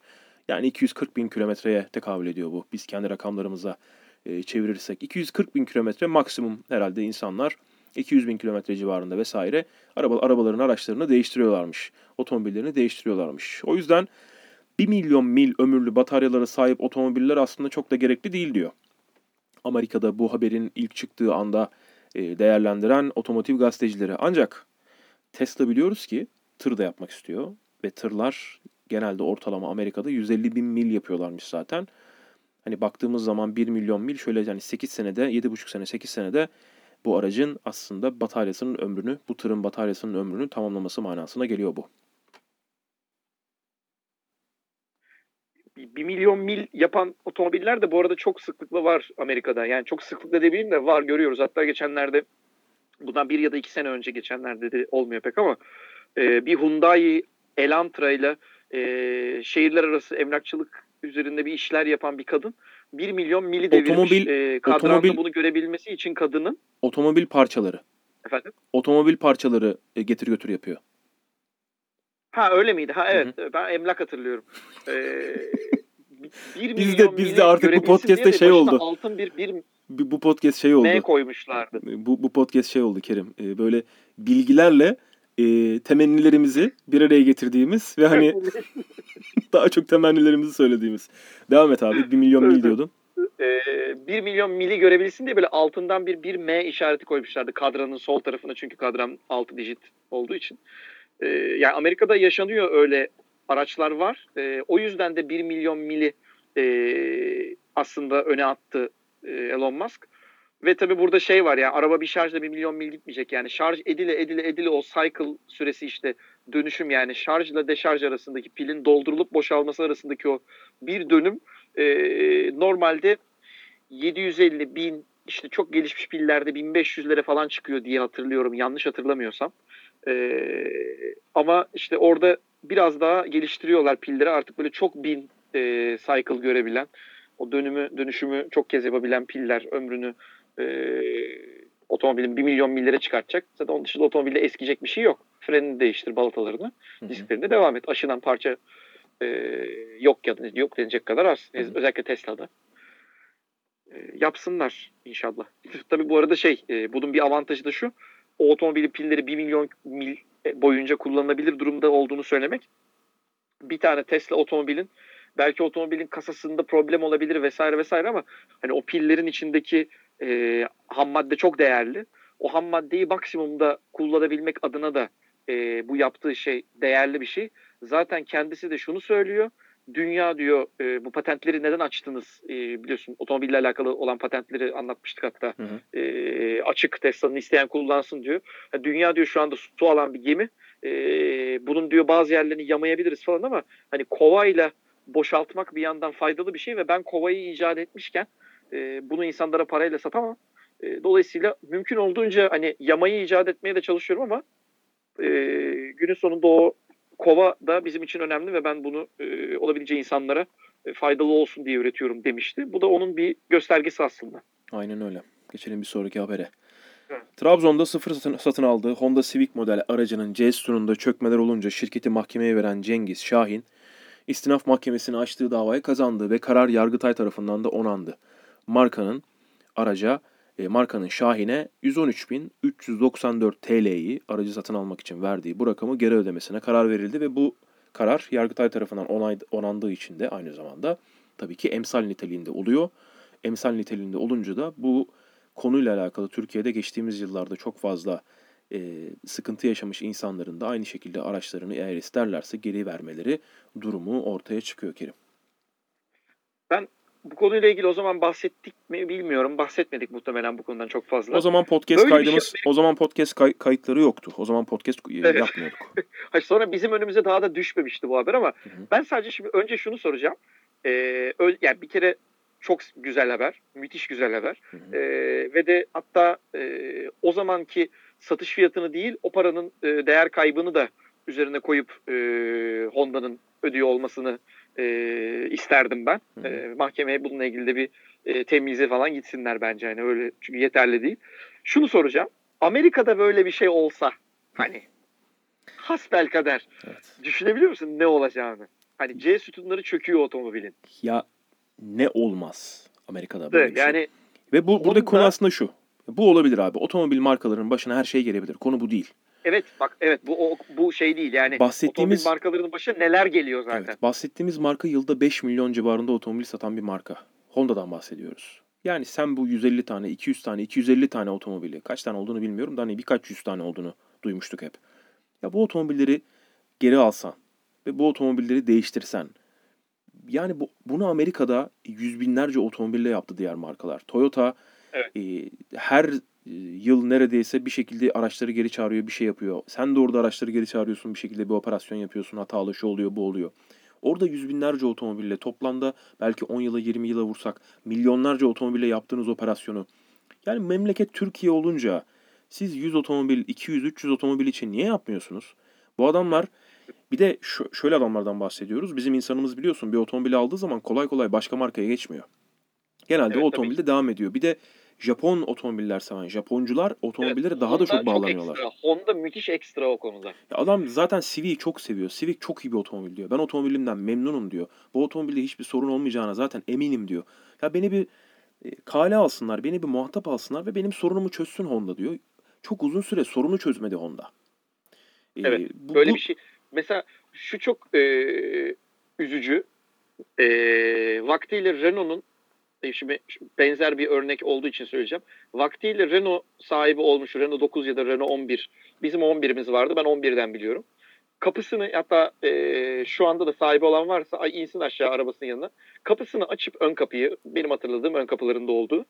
Kapının alt köşesinde e, yani marşbiyerle e, B sütununun birleştiği kısımda köşeyle aracın içine doğru giren o kısmındaki o kabarıklık yani şasinin şey e, ne diyelim kapının iç kasasının sacına baksınlar. O sacda çok ince materyaller kullanmaya çalıştıkları için çok derin kalıplardan çıktığı için o malzemeler Fransızların da o ince malzeme sevdasının olduğu bir dönem o zaman. Hı hı, Ki e, Renault aynı otomobilleri Türkiye'de de üretiyordu. hı hı. E, kalıbında hatalar olduğunu ama o hataların e, sanki oraya e, tasarım ve mühendislik tabiriyle nervür yani orayı güçlendirsin diye atılmış gibi. Ya saç buruşmuş orada. Evet. Ama öyle güzel buruşmuş ki sen onu nervür zannediyorsun. Şimdi bu öyle bir şey değil. Arabanın tasarımı değişiyor. Yani Evet. hani bu tip şeyler yenilemeyen e, veya üzerine gidilmeyen şeyler tabii ki olabilir. Mesela belki e, Mercedes'in S serisinin işte atıyorum ön göğsünü sökeceğiz ve altında kalıp hataları vardır belki ama bu bir problem değildir ve görünen bir tarafta değil ya da e, ne bileyim o göğsü tutan bir e, sacın üzerindedir ve konstrüksiyona yani yapısal e, taşıması gereken bir yük e, problemi yoktur hı. veya kozmetiği zaten yok. Bu öyle bir şey de değil. Arabanın C sütununda çökme oluyor. Yani e, orada ciddi bir kalıp hatası olmadığı çok belli ki dediğin gibi bazı araçlarda yok. Zaten sonradan da e, globalde bu haber galiba olmuştu. E, uluslararası basından mı almıştık tam hatırlamıyorum. Sacları sağlayan tedarikçi bazılarında bir e, kalite farklılığı hani e, teknik şartnameye uygun olmayan e, bir sac olduğu ve dikkatten kaçtığı, gözden kaçtığını kabul etmişti. Yani bu da ne demek? Sen onu kalıptan çıkarttığın zaman zamanla kendi iç gerilimlerinden dolayı o saç eski şekline geri dönecek demek oluyor. Ya getirmişlerdi. Böyle basın bülteni de vardı Ya yanlış sen hatırlamıyorsam. sen Honda olarak bir şekilde bu ürünü aldığın yani bu bu konuda Evet. sıkıntı yaşıyorsan bu sacı aldığın adama sen bu araçların bedelini ödetirsin. Çünkü koskoca Honda'sın Ve- sen. Sen kendi Evet. müşterini de mağdur etmezsin. Kendini de mağdur etmezsin zaten. Ki Benim e, hatırladığımda 100 şöyle tane- bir çözüm üretilmişti. 100 Bu tane otomobille, korkunç. 100 tane, 200 tane, 300 tane, 500 tane otomobille, 1000 tane otomobille de koskoca bir otomobil markası hiçbir şey olmaz. Yani burada Türkiye'de biz maalesef ikinci, üçüncü sınıf vatandaş muamelesi görüyoruz. Bütün markalar e, tarafından olmasa bile birkaç tane büyük marka tarafından bu da güzel bir şey değil yani. Yani e, Türkiye pazarına uygunluğu yüksek olsun diye mesela LPG'li Civic şu anda fabrikadan çıkıyor. Hani bunu yaparken onu yapmamış olmaları bence o zaman ki hani bu genelde oluyor ya böyle ek sözle bir başlık düşüyor mesela ortalık karışıyor bir anda ve e, basın ve halkla ilişkiler tarafı ne yapacağını bilemeyip bir an panikliyor falan. Bunun gibi çok örnekleri oldu daha önce farklı markalarla. Hı hı. E, bu da herhalde öyle bir durumda ama hani bu kadar ayyuka çıkmış bir şey de dediğin gibi yani çünkü e, arkasında durulabilecek bir şey. Evet problem oldu. Biz şimdi bunları alacağız, yollayacağız, değişecek vesaire kaldı ki e, birçok anlamda hiçbir maliyet değil. 100 otomobil, 150 otomobil böyle bir problem karşısında hiçbir maliyet değil. Hani e, içine inşaat köpüğü sıkıp formunu geri kazanmasını falan sağladıklarını hatırlıyorum. Yine yanlış hatırlamıyorsam. Evet evet. E, evet. çok üzücü. Hani e, yıllarca birçok teknolojiyi çok ileri seviyede, birçok otomobili mükemmelleştirerek yani çok değerli bir markayken herkesin de çok sevdiği ve ha, bu arada yani Honda'dan bir önceki podcast'ta bahsettik. Ben küçükken Honda'nın ne olduğunu çok anlayamamıştım diye anlatmıştım işte. Her yerde Honda yazıyor. Allah mı lan bu Honda falan diye hani. Hani bahçedeki zirai araçta da var, go-kart'ta da var bilmem ne. Hani bu kadar ileri seviye detaycılıkta ve e, imalat kabiliyetinde bir marka e, ben Çuvalladığı yere bak. inanamamıştım. duruma. Çuva, çuvalladığı Yani- yere bak yani. Yok yok zaten- Honda'ydı Honda'ydı. Yok hayır hayır. Çuvalladığı yere bak diyorum. Yani şunu söylemeye çalışıyorum Ha, ha, ha, zaten. Evet, evet, evet, buradaki buradaki öyle. problem neden böyle bir sıkıntı yaşadı diyemez kimse. Hep aynı örneği veririm ben bu otomobil geri çağırmalarıyla alakalı söz konusu olduğunda. Porsche 918 Spider ilk çıktığında LaFerrari ve P1 ile birlikte üçü e, çok ciddi rakip gösterilirlerdi birbirlerine. Bu otomobil piyasaya çıktığında bir bölümünü Porsche geri çağırmak zorunda kaldı. Gaz pedalı aşağıdaki tabana takılı kalıp e, gaz pedalı takılı kalma tehlikesi olduğu için. Bir hiper otomobil yapıyorsun gaz pedalının takılma olasılığı var. Anlatabiliyor muyum? Evet. Yani bunu herkes yaşıyor. Bu, bu, bu herkesin başına geliyor. Konu bu değil. Neden Ve bu böyle bir şey? olabilecek bir şey zaten. Olabilecek bir şey bu. Bu C sütunun çökmesi, şu olması, bu olması da olabilecek bir şey. Şimdi mesela çok incecik sajlardan otomobil yapıyorlar. İşte bir yere takıyor mesela adam.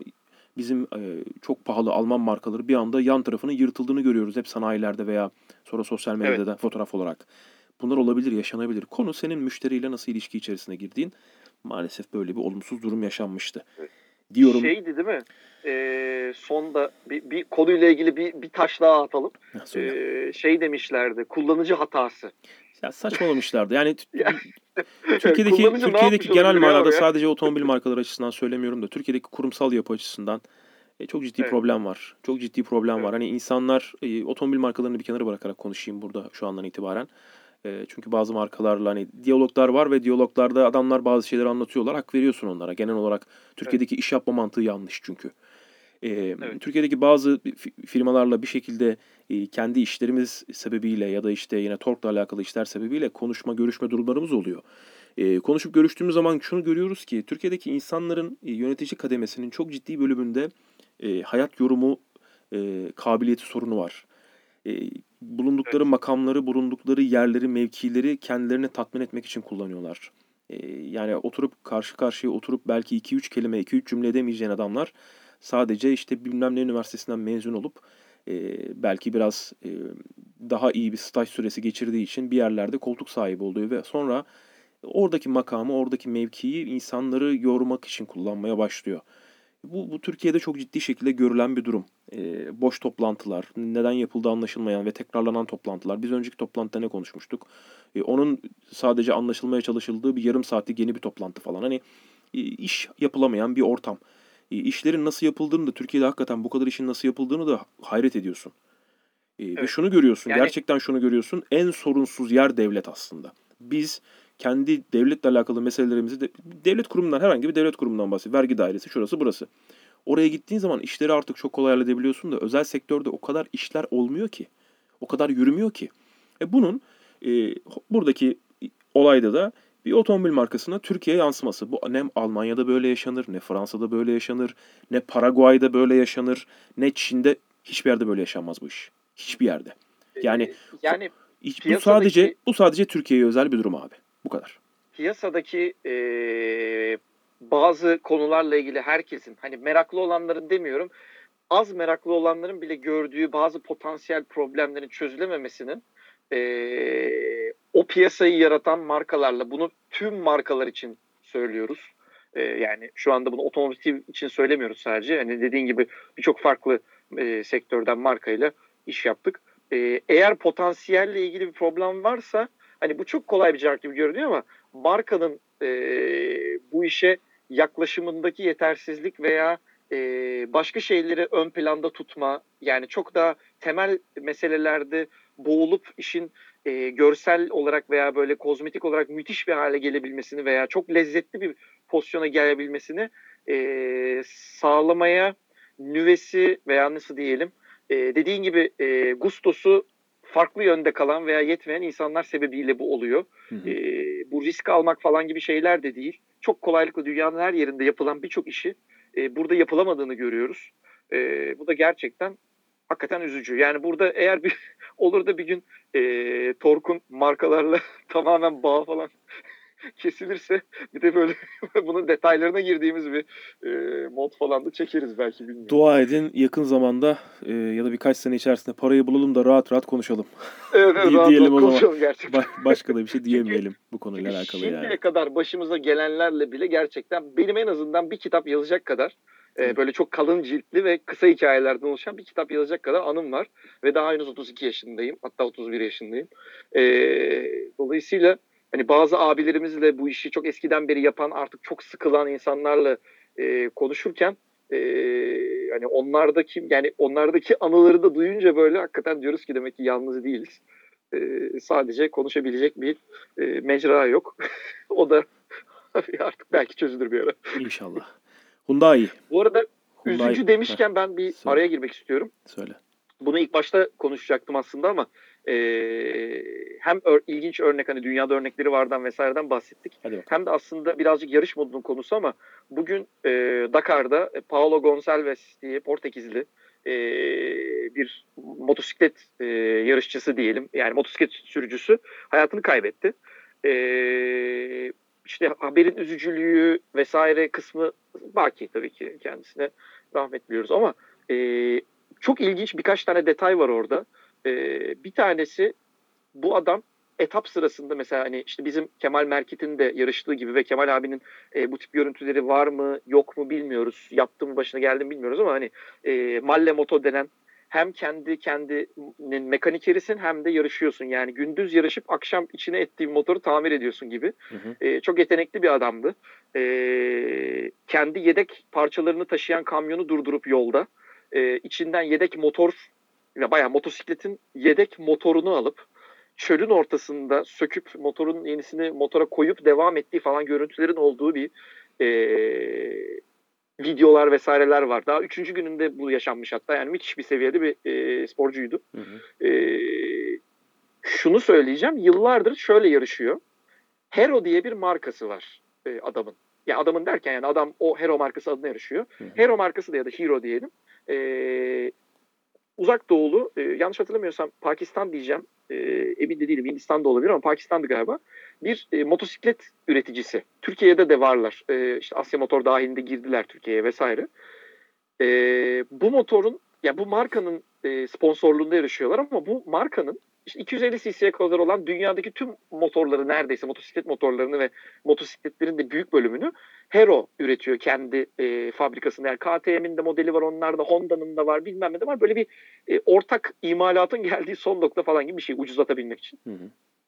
Yanlış bilmiyorsam KTM'nin 450 cc'lik motoruyla yarışıyordu ama yıllardır Hero yani Hero e, diyelim ya da 2017'den beri ya da 2016'nın ortasından beri bu sponsorluğu olabilir. E, başka bir markanın tamamıyla giydirmesiyle yarışıyordu. E, ve o, yani marka KTM ama üzerinde KTM yazmıyor. Sadece Hero yazıyor. E, ve Dakar'a düzenli olarak giriyordu. Bugün e, onu kaybettik. Böyle bir e, araya bunu ilginç de bir hikayesi olduğu için hani bambaşka yani üzerinde mesela e, Ford yazan bir Mercedes'le yarıştığını düşün gibi. E, veya ne bileyim e, spor otomobil üretmeyen bir spor otomobil üreticisinin bir Mercedes GT3 ile veya bir Porsche GT3 ile e, Le Mans'a ya da dayanıklık serisine girmesi gibi bir e, durumdu bu. E, bu arka, abimiz de bunu yürütüyordu ve çok da yetenekli bir adamdı. Bugün bir kaza geçirmiş. 8 dakikada varmış e, helikopter yanına. E, SOS sinyali geldikten 8 dakika sonra e, yanına inmişler. İşte gereken müdahale yapılmış ama kurtaramamışlar. E, onu da bugün kaybettik. İlk başta dediğim gibi bahsedecektim ama unuttum. E, şimdi aklıma gelince de hatırlatayım, bahsedeyim istedim. İyi yaptın, iyi yaptın. Toprağı bol olsun. Motor sporları evet, kazaları yaşanıyor. Olsun. Motor sporları kazaları yaşanıyor maalesef. Evet. Yani özellikle Dakar gibi, e, Rally Raid ya da işte e, Dakar Rally'si gibi bu tarz organizasyonlarda çok ciddi sıkıntılar yaşanabiliyor. Geçmişte de kayıplı kazalar olmuştu. E, Tabii. Umarız bundan sonra yaşanmaz. E, diyelim. Bir sonraki konuya geçelim. Evet. Sebebin gözüne geçelim. Hyundai ortadan motorlu spor otomobil üretimine çok yakın. Markanın performans departmanı Enin, Nide'nin N'si, Enin başındaki Hı. Albert Biermann ki kendisi daha önce BMW'nin M modelleri, Manisa'nın M'si, M modelleri departmanının başındaydı. Markanın önünde bu otomobili geliştirmek için finansal olarak hiçbir limit yok dedi. Ne demek istiyor? Hyundai'nin çok parası var çok çok çok evet. parası var. Zaten geçtiğimiz birkaç e, önceki podcast'te bahsetmiştik. Sadece önümüzdeki 4-5 yılda araştırma geliştirme faaliyetleri için otonom ve e, elektrikli otomobil konusunda 50 küsür milyar dolar para harcayacaklar sadece bunun için. E, Porsche'nin Boxster, Alfa'nın 4C, Alpine'in A110'una rakip olacağını düşünebileceğimiz bir araç. E, ve bu Hyundai için sadece bir başlangıç diyor Albert Biermann. Galiba Kerim bir süper otomobil göreceğiz Hyundai'den gelecekte. Yakın gelecekte hatta. Yani yapmamaları için herhangi bir sebep yok. Bu Veloster'le çok güzel görünen bir otomobil denediler zaten. Hı hı. Ama çok üzerine düşmediler. Bir iki tane pazar yoklaması gibi yaptılar onu herhalde. Şu anda geçmişte bu Tiburon dedikleri işte Hyundai Coupe vardı. Mesela çok güzel görünen dünyanın en aptal arabası böyle 2.7 litre V6 ama 160-170 beygir falan böyle önden çeker yetersiz ama çok müthiş görünen bir otomobildi. Ee, umuyoruz e, yeterli ve müthiş görünen otomobiller de yaparlar ki onlar için zaten bunun şanzımanını vesairesini geliştirdiklerini e, geçmiş podcastlerde de konuştuk. Hı hı. Dolayısıyla yapsınlar ve görelim. Çünkü e, dediğin gibi çok paraları var. Hani e, ne Dünya Rally Şampiyonası'nda ne işte başka yerde e, kendileri göstermekle ilgili bir sıkıntıları da yok. Yani bütçenin rahatlığını motorsporundan anlar e, anlarız diyelim aslında. Bütçe rahatsa motorsporunun her yerinde vardır marka. Motorspor ile çok büyük geçmiş olması falan şart değil. Kaldı ki Hyundai'nin zaten genel anlamda çok büyük bir geçmişi yok. Çok taze bir marka aslında hala. Evet. E, geçirdiği evrimle şu anda yani müthiş bir e, seviyeye geldi. Çok daldan dala gidiyoruz ama Le özellikle 2021-2022 yılındaki bu gelecek olan yeni klasmanla birlikte orayı markalar bence çok yakından takip ediyorlar. Yani e, oraya girecek olan birkaç tane otomobil belli şu anda. İşte Toyota'nın üreteceği Super Sport var, Volkswagen var. Az önce de söylemiştik Volkswagen'i konuşurken. Hı hı. E, Lamborghini'nin de gireceği konuşuluyor. Başka markaların da girmesi olası bu diğer markaların da galiba dikkatini çekecek. Zaman zaman da şey konuşuyoruz hani şu marka gelecek mi, Ferrari gelecek mi, Porsche gelecek mi gibi. Ferrari sonra gelmeyeceğini net şekilde bu senenin başında söylemişti. Oraya girmeyeceğini söylemişti. Bütün odağını Formula 1'e vermek istiyor. Öyle üst seviyede bir yere girmek istemiyor başka bir şampiyonada. E, Hyundai mesela girebilir buraya eğer bir süper otomobil yaparlarsa veya işte başka bir markayı da e, uzak doğudan görebiliriz. E, Hyundai'nin bu yaptığı iş, harcadığı para, her şeyi bir şekilde toplamak hani tasarımcıyı, e, performans departmanının başını gidip bir şekilde Avrupa'dan dünyanın en iyilerini toplayarak getirmek e, çok da ciddi para harcıyorlar. Çünkü kazanıyorlar da harcıyorlar. Hem Amerika'da hem de Avrupa pazarında çok ciddi para da kazanıyorlar.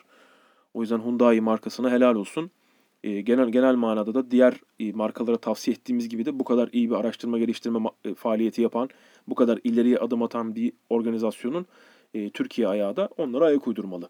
E, yani Hyundai Türkiye ile alakalı bir fikrimiz yok. E, olumlu ya da olumsuz. Evet. Hani genel genel olarak markalarla hani en azından yurt dışındaki iyi yönlere böyle Türkiye'de daha da pompalamaya çalışırsa markalar daha iyi olur. Hani e, bu, bu tür haberleri çok da fazla markalar tarafından paylaşıldığını görme, görmüyoruz. Şubat kampanyamız yürürlükte. Ya tam yürürlükte de sen Hyundai'yi bana bir anlat. Honda'yı bana bir anlat. A markasını, B markasını, C markasını bana bir anlat. Vizyonunu ortaya koy. Benim dikkatimi çek. Ya tamam sen her ay kampanya yapacaksın zaten de. Diyelim de bir sonraki habere geçelim. ya orada işte hep şu oluyor ya e, temel gereksinimlerle e, ticari beklentiyi ve hedefleri karşılayıp e, bu arada kendi iç yapısındaki problemlerden dolayı yorulup e, işe katma değer sağlayacak hali kalmıyor insanların. Genel kurumsal yapılardaki sıkıntı bu. O ona onay vermedi, öteki onu sevmedi, oradan gitti geri döndü, o ona mail aldı, attı, o bakmadı, dö vır vır vır. İş nerede? Yok. Hedefler tuttu. Abi hedef tutacak zaten o hedef. Ama hedefin etrafını yani o zaman yani dart tablosunda e, sadece 12 yok. Sağda da solda da başka şeyler var. E, bunun dışında bir onun bir kaplaması bir bir şeysi var. O zaman sadece oraya bir nokta koyardık. Dart tahtası da gerek olmazdı zaten. Yani işin süslenmesi bir e, nasıl diyeyim ya lezzetli bir hale geliyor olması lazım. Yani e, şunu demeye getirebiliriz aslında. Hı hı. Yani 4 çeker 260 beygir bir Yaris üretiliyor. Türkiye'de müthiş seviyede e, dünyanın her yerinde olduğu gibi de aynı zamanda ama e, ciddi bir e, Corolla, Yaris, CHR gibi bir otomobil ürettiler mesela. Dezavantajlı olduğu yerlerini kabul etmelerine rağmen müşteriler bayılıyor ki ben de işte e, işte o mesela iç mekanının arka tarafı biraz böyle kasvetli geliyor müşterilerine. E, biz bunu özellikle lansmanlarda da çok fazla duyuyoruz. Ama ona rağmen çok güzel göründüğü için satıldı vesaire. Hani bu kadar satış yapan bir markanın e, yanına bütün dünyada bu arada yani hani Dakar yapılıyor, Le Mans yapılıyor, VRC yapılıyor, Formula yapılıyor, yapılıyor, yapılıyor, yapılıyor ve dünyada 2-3 farklı yani Avrupa'sı ayrı, Japonya'sı ayrı motorsporu departmanları olmuş bir marka fabrikasının da olduğu bir ülkede globalde olan basit yarış otomobilleri ya Yaris R1'den bahsediyorum mesela yani. Bunu yapmanın maliyeti bir fabrika için para değil. R1 bir otomobil nedir yani? Standart e, 100 beygirler civarında hiçbir yarış hazırlığı olmayan sadece güvenlik önlemleri alınmış yarış otomobili. Buna bir para harcamıyor olması, bunu e, geçmişte bunu takip etmiş e, ekibin içinde bu işleri seven insanların olduğunu bildiğim için bu kadar rahat konuşuyorum bu arada. Buna rağmen bunu e, yapmıyor olmaları falan bana müthiş ilginç geliyor ama bu işte genel anlamda dediğin gibi e, bütün markalar için geçerli bu arada. Yani Honda'nın motorspor geçmişi yok falan diye gibi anlamında söylemiyorum. Tüm markaların var. E, buna eğilmiyor olmalarının sebebi e, mevcut iş yükünün e, sorundan böyle artık işin içinden çıkılmaz hale getirilip kendi iç yapılarında yani memlekette bir şeyler olur ıvır zıvır o başka bir konu. Ama hep bizim şu ana kadar gördüğümüz kendi kendini kramp sokan, e, kendi kendine kramp sokan bir e, kurumsal yapı ve e, işleyemez hale geliyor. Kendi hedefler tuttu mu oh çok güzel. Ya hedef dediğinde otomobil satmak yani hani zaten otomobil sat yani markanın kuruluş amacı bu.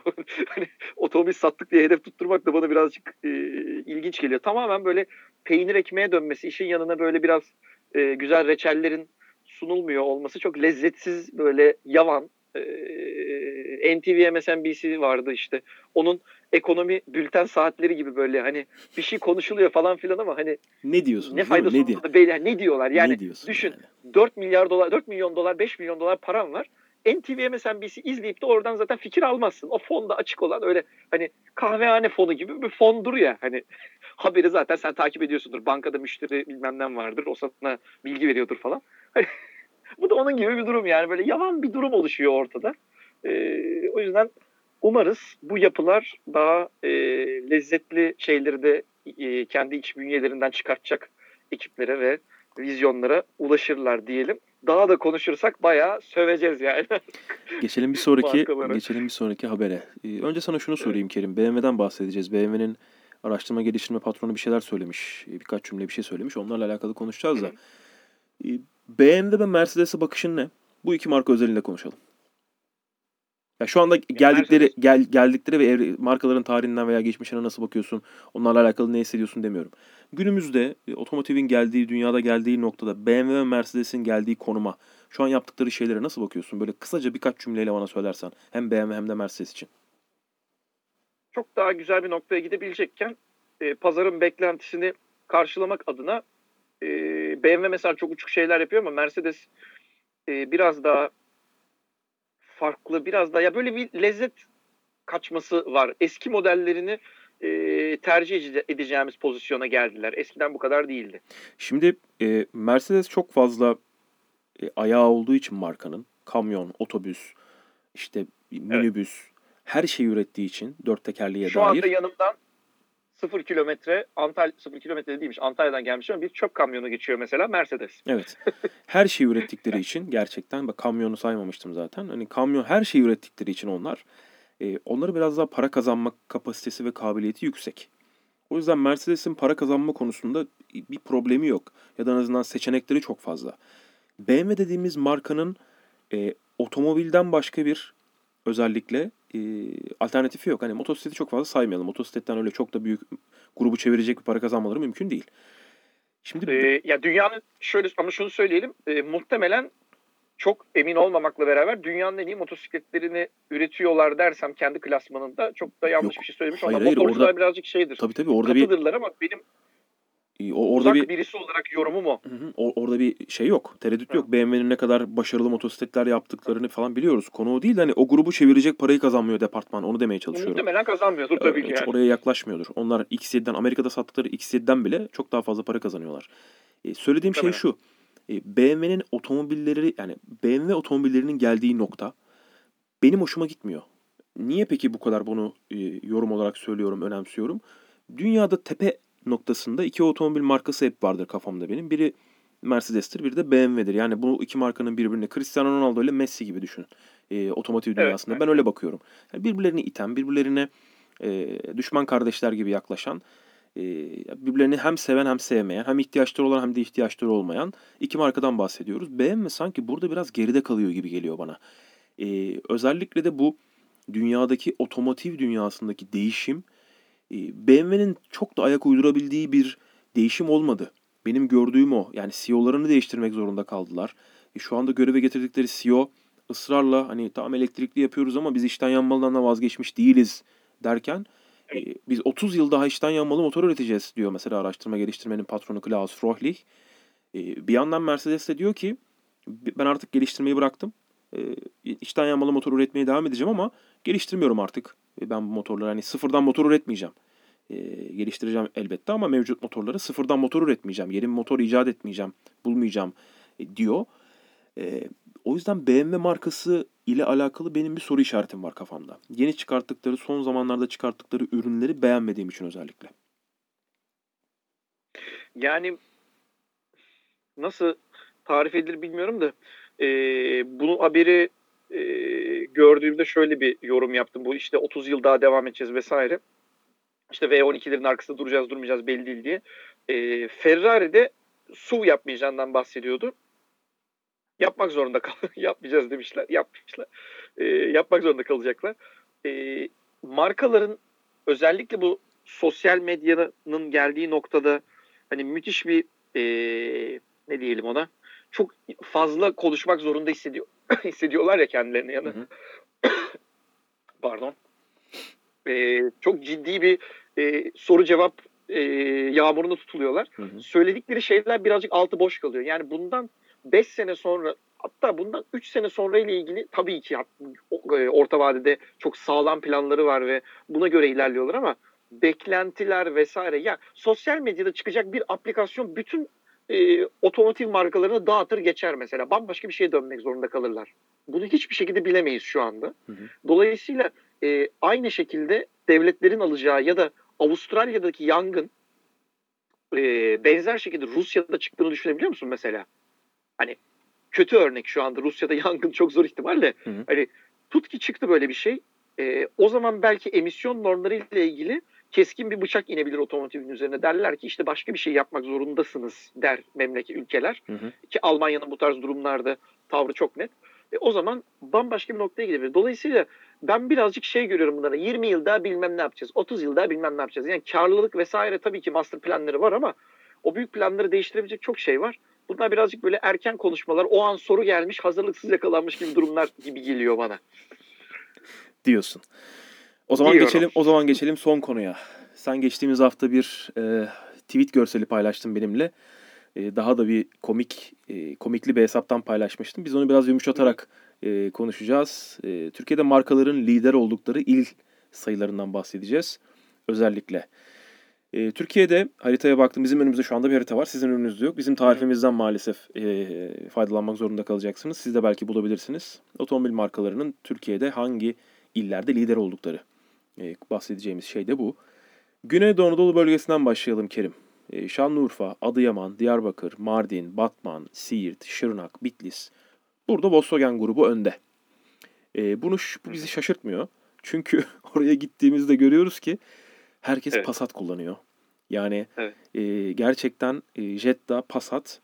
E, orada şöyle bir muhabbet var. Zaten bunu herkes bilir otomobile ilgisi olanlar. Zengin olduğumuz bilinmesin, anlaşılmasın diye Mercedes almadık da işte oradakilerin Passat. hepsi Passat alıyor ve sizin olduğunuz anlaşılıyor artık. Yani bu bunun, bunun, bunun artık anlaşılmama olasılığı yok. E, büyük şeylere bakıyoruz. Özellikle İstanbul, Ankara ve İzmir. Renault bir numara. Bu üç evet. şehirde de. E, onun yanında e, Manisa'da bir numara keza aynı şekilde. Kütahya'da bir numara Renault. Sivas'ta bir numara. Ordu'da bir numara. Trabzon'da bir numara.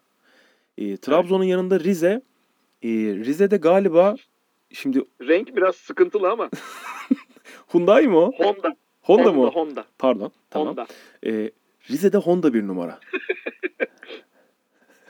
Pardon çok özür dilerim Hyundai. Pardon pardon. Ya Bunu, ya sen benimle dalga geçersin. Sen benimle sen, sen benimle dalga geçersin ama e, Rize'de Hyundai'nin bir numara olmasına ne diyorsun? Bence haber bu.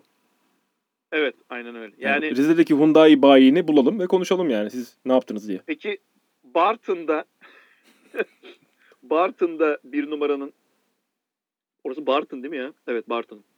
Bartın'da bir numaranın Volkswagen olması. Herhalde 47 tane falan satılmıştır Bartın'da. Bartın'da e, çok fazla Güneydoğu Anadolu bölgesi nüfusu var o yüzden. Onlar zengin olduğumuz anlaşılmasın diye. Orada... anlaşılmasın diye. Pasat atmışlar. evet. Bütün, bütün Akdeniz bölgesi, bütün Batı Karadeniz, bütün Trakya, e, bütün Güney Marmara Fiat. Ya şöyle bir görüntü var. Ee, ülkenin e, ya fiyat olmayan illeri saymak daha kolay. İstanbul, İzmir, Manisa, Kütahya, Özellikle e, büyük şehirler işte Denizli, fiyat. Evet, Pardon, Denizli, Renault. Ankara, Karşıyaka, Hı hı. e, ya kadar işte Karşıyaka ne ya? Kırşehir. Kırşehir'e kadar yani memleketin tam ortasına kadar olan bu iller Renault. Tamam. E, Sakarya e, işte onun yanında Bartın var. E, bunlar işte biri Volkswagen bir tanesi Toyota. Tamam. Onun dışında komple Fiat. Sağ Peki- tarafa geçince biraz daha karışık başlıyor. işte. Malatya bak. Malatya'daki Honda. Malatya'ya Honda şoku. Ne diyorsun? Malatya'da ha şimdi ona gelecektim zaten bu sayımı yap- yaptıktan sonra. ya Malatya'ya Honda şoku gerçekten. Yani Honda en çok bak e, şunu biliyoruz sen de çok fazla gezdiğin için Anadolu'da iş sebebiyle e, benim de bayi tecrübem çok fazla oldu. Bayilerin sahipleri babadan bir marka ile anlaşma yapıyorlar. Sonra o baba dede olduğunda ailenin o dönemki babası yani oğlan işin başına geçiyor diyor ki sen bu Hyundai'yi aldın ama şu an tamamen örnek veriyorum Malatya üzerinden. Hyundai'yi aldın ama asıl Honda'yı diyor. Gidiyor Honda'ya alıyor. geçiyorlar. Onun oğlu da büyüdüğünde diyecek ki hepiniz salaksınız. Bu ülkede fiyat diye bir şey varken niye fiyata? Onun da oğlu gelecek atıyorum Renault'a. Yani markaların o bayileri bu e, markaların yönetimindeki en büyük krizdir. Adam hani atıyorum Fransız bir markayla anlaşmıştır. Der ki ben İtalyan işte atıyorum Fiat'a geçeceğim der veya atıyorum Fiat'tadır ben Honda'ya geçeceğim der. Yani hadi bütün şeyi kaybediyorsun. Hani bunun atıyorum Peugeot iken Citroen'e falan geçmiyor yani adam. Bambaşka bir altyapı, servis kaybediyorsun. Satışla ilgili kayıpların var vesaire. Markaların en büyük telaşesidir satış tarafında. O bayilerin o fevri ve e, başına buyruk tavrı e, ama yani Malatya'daki Honda, Honda bayini gidip hakikaten tebrik etmek lazım. Kaç tane var acaba herhalde? Bir tane yoktur diye düşünüyorum. Bilmiyorum ama. Aynen öyle. Ee, bayağı Yani- oldu konuşalı Kerim. Özellikle 91 dakikadır konuşuyoruz. Yine markalarla Evet. alakalı ileri geri konuştuk. Markalarla alakalı bir sürü saptamada bulunduk. Önümüzdeki toplantılarda geri dönüşünü alacağımız bakalım markalar podcastleri dinliyorlar mı arkadaşlar? Yok bu dakikaya kadar kalan marka olmamıştır zaten de merak etme. evet evet ona, ona da çok eminiz. Çünkü Aynen zaten öyle. bir şey o kadar uzun süre yapmıyorlar. Evet, e, odaklanma problemleri var. Kerim ağzına Evet. sağlık. Senin de ağzına sağlık. Bu sefer e, yine goy goyu bol. E, şeyi neydi spekülasyonu bol. podcast oldu. Bolca subjektif. Evet, bolca subjektif. Tamamen kendi yorumlarımızdan oluşan e, akşamın da şu saatine kalmamıza sebep olan e, çeşitli teknik aksaklıkların da şeyini Biz bunu biz bunu şu anda attığımız biz bunu şu anda pazar akşamı e, kaydediyoruz. Geç saatlerde kaydediyoruz Kerim'le. Siz birkaç saat sonra zaten bunu dinleyeceksiniz muhtemelen. Evet. E, sabahta paylaşacağız yine muhtemelen. E, yani en tazesine derken gerçekten bu en tazesi oluyor olabilir. Evet böyle sıcacık yani fırından yeni çıkmış olacak. Tork Magazin Türksel Dergilik'te e, indirmeyi unutmayın. E, yaptığını indirdiğinizde ve bize geri dönüş yaptığınızda bu bizim için çok kıymetli oluyor. Bütün geri dönüşlerinizi mutlaka ama mutlaka değerlendiriyoruz. Sonraki podcastlerde görüşmek dileğiyle bu dakikaya kadar bizi dinlediğiniz için tekrar teşekkür ediyoruz. Hoşçakalın diyoruz.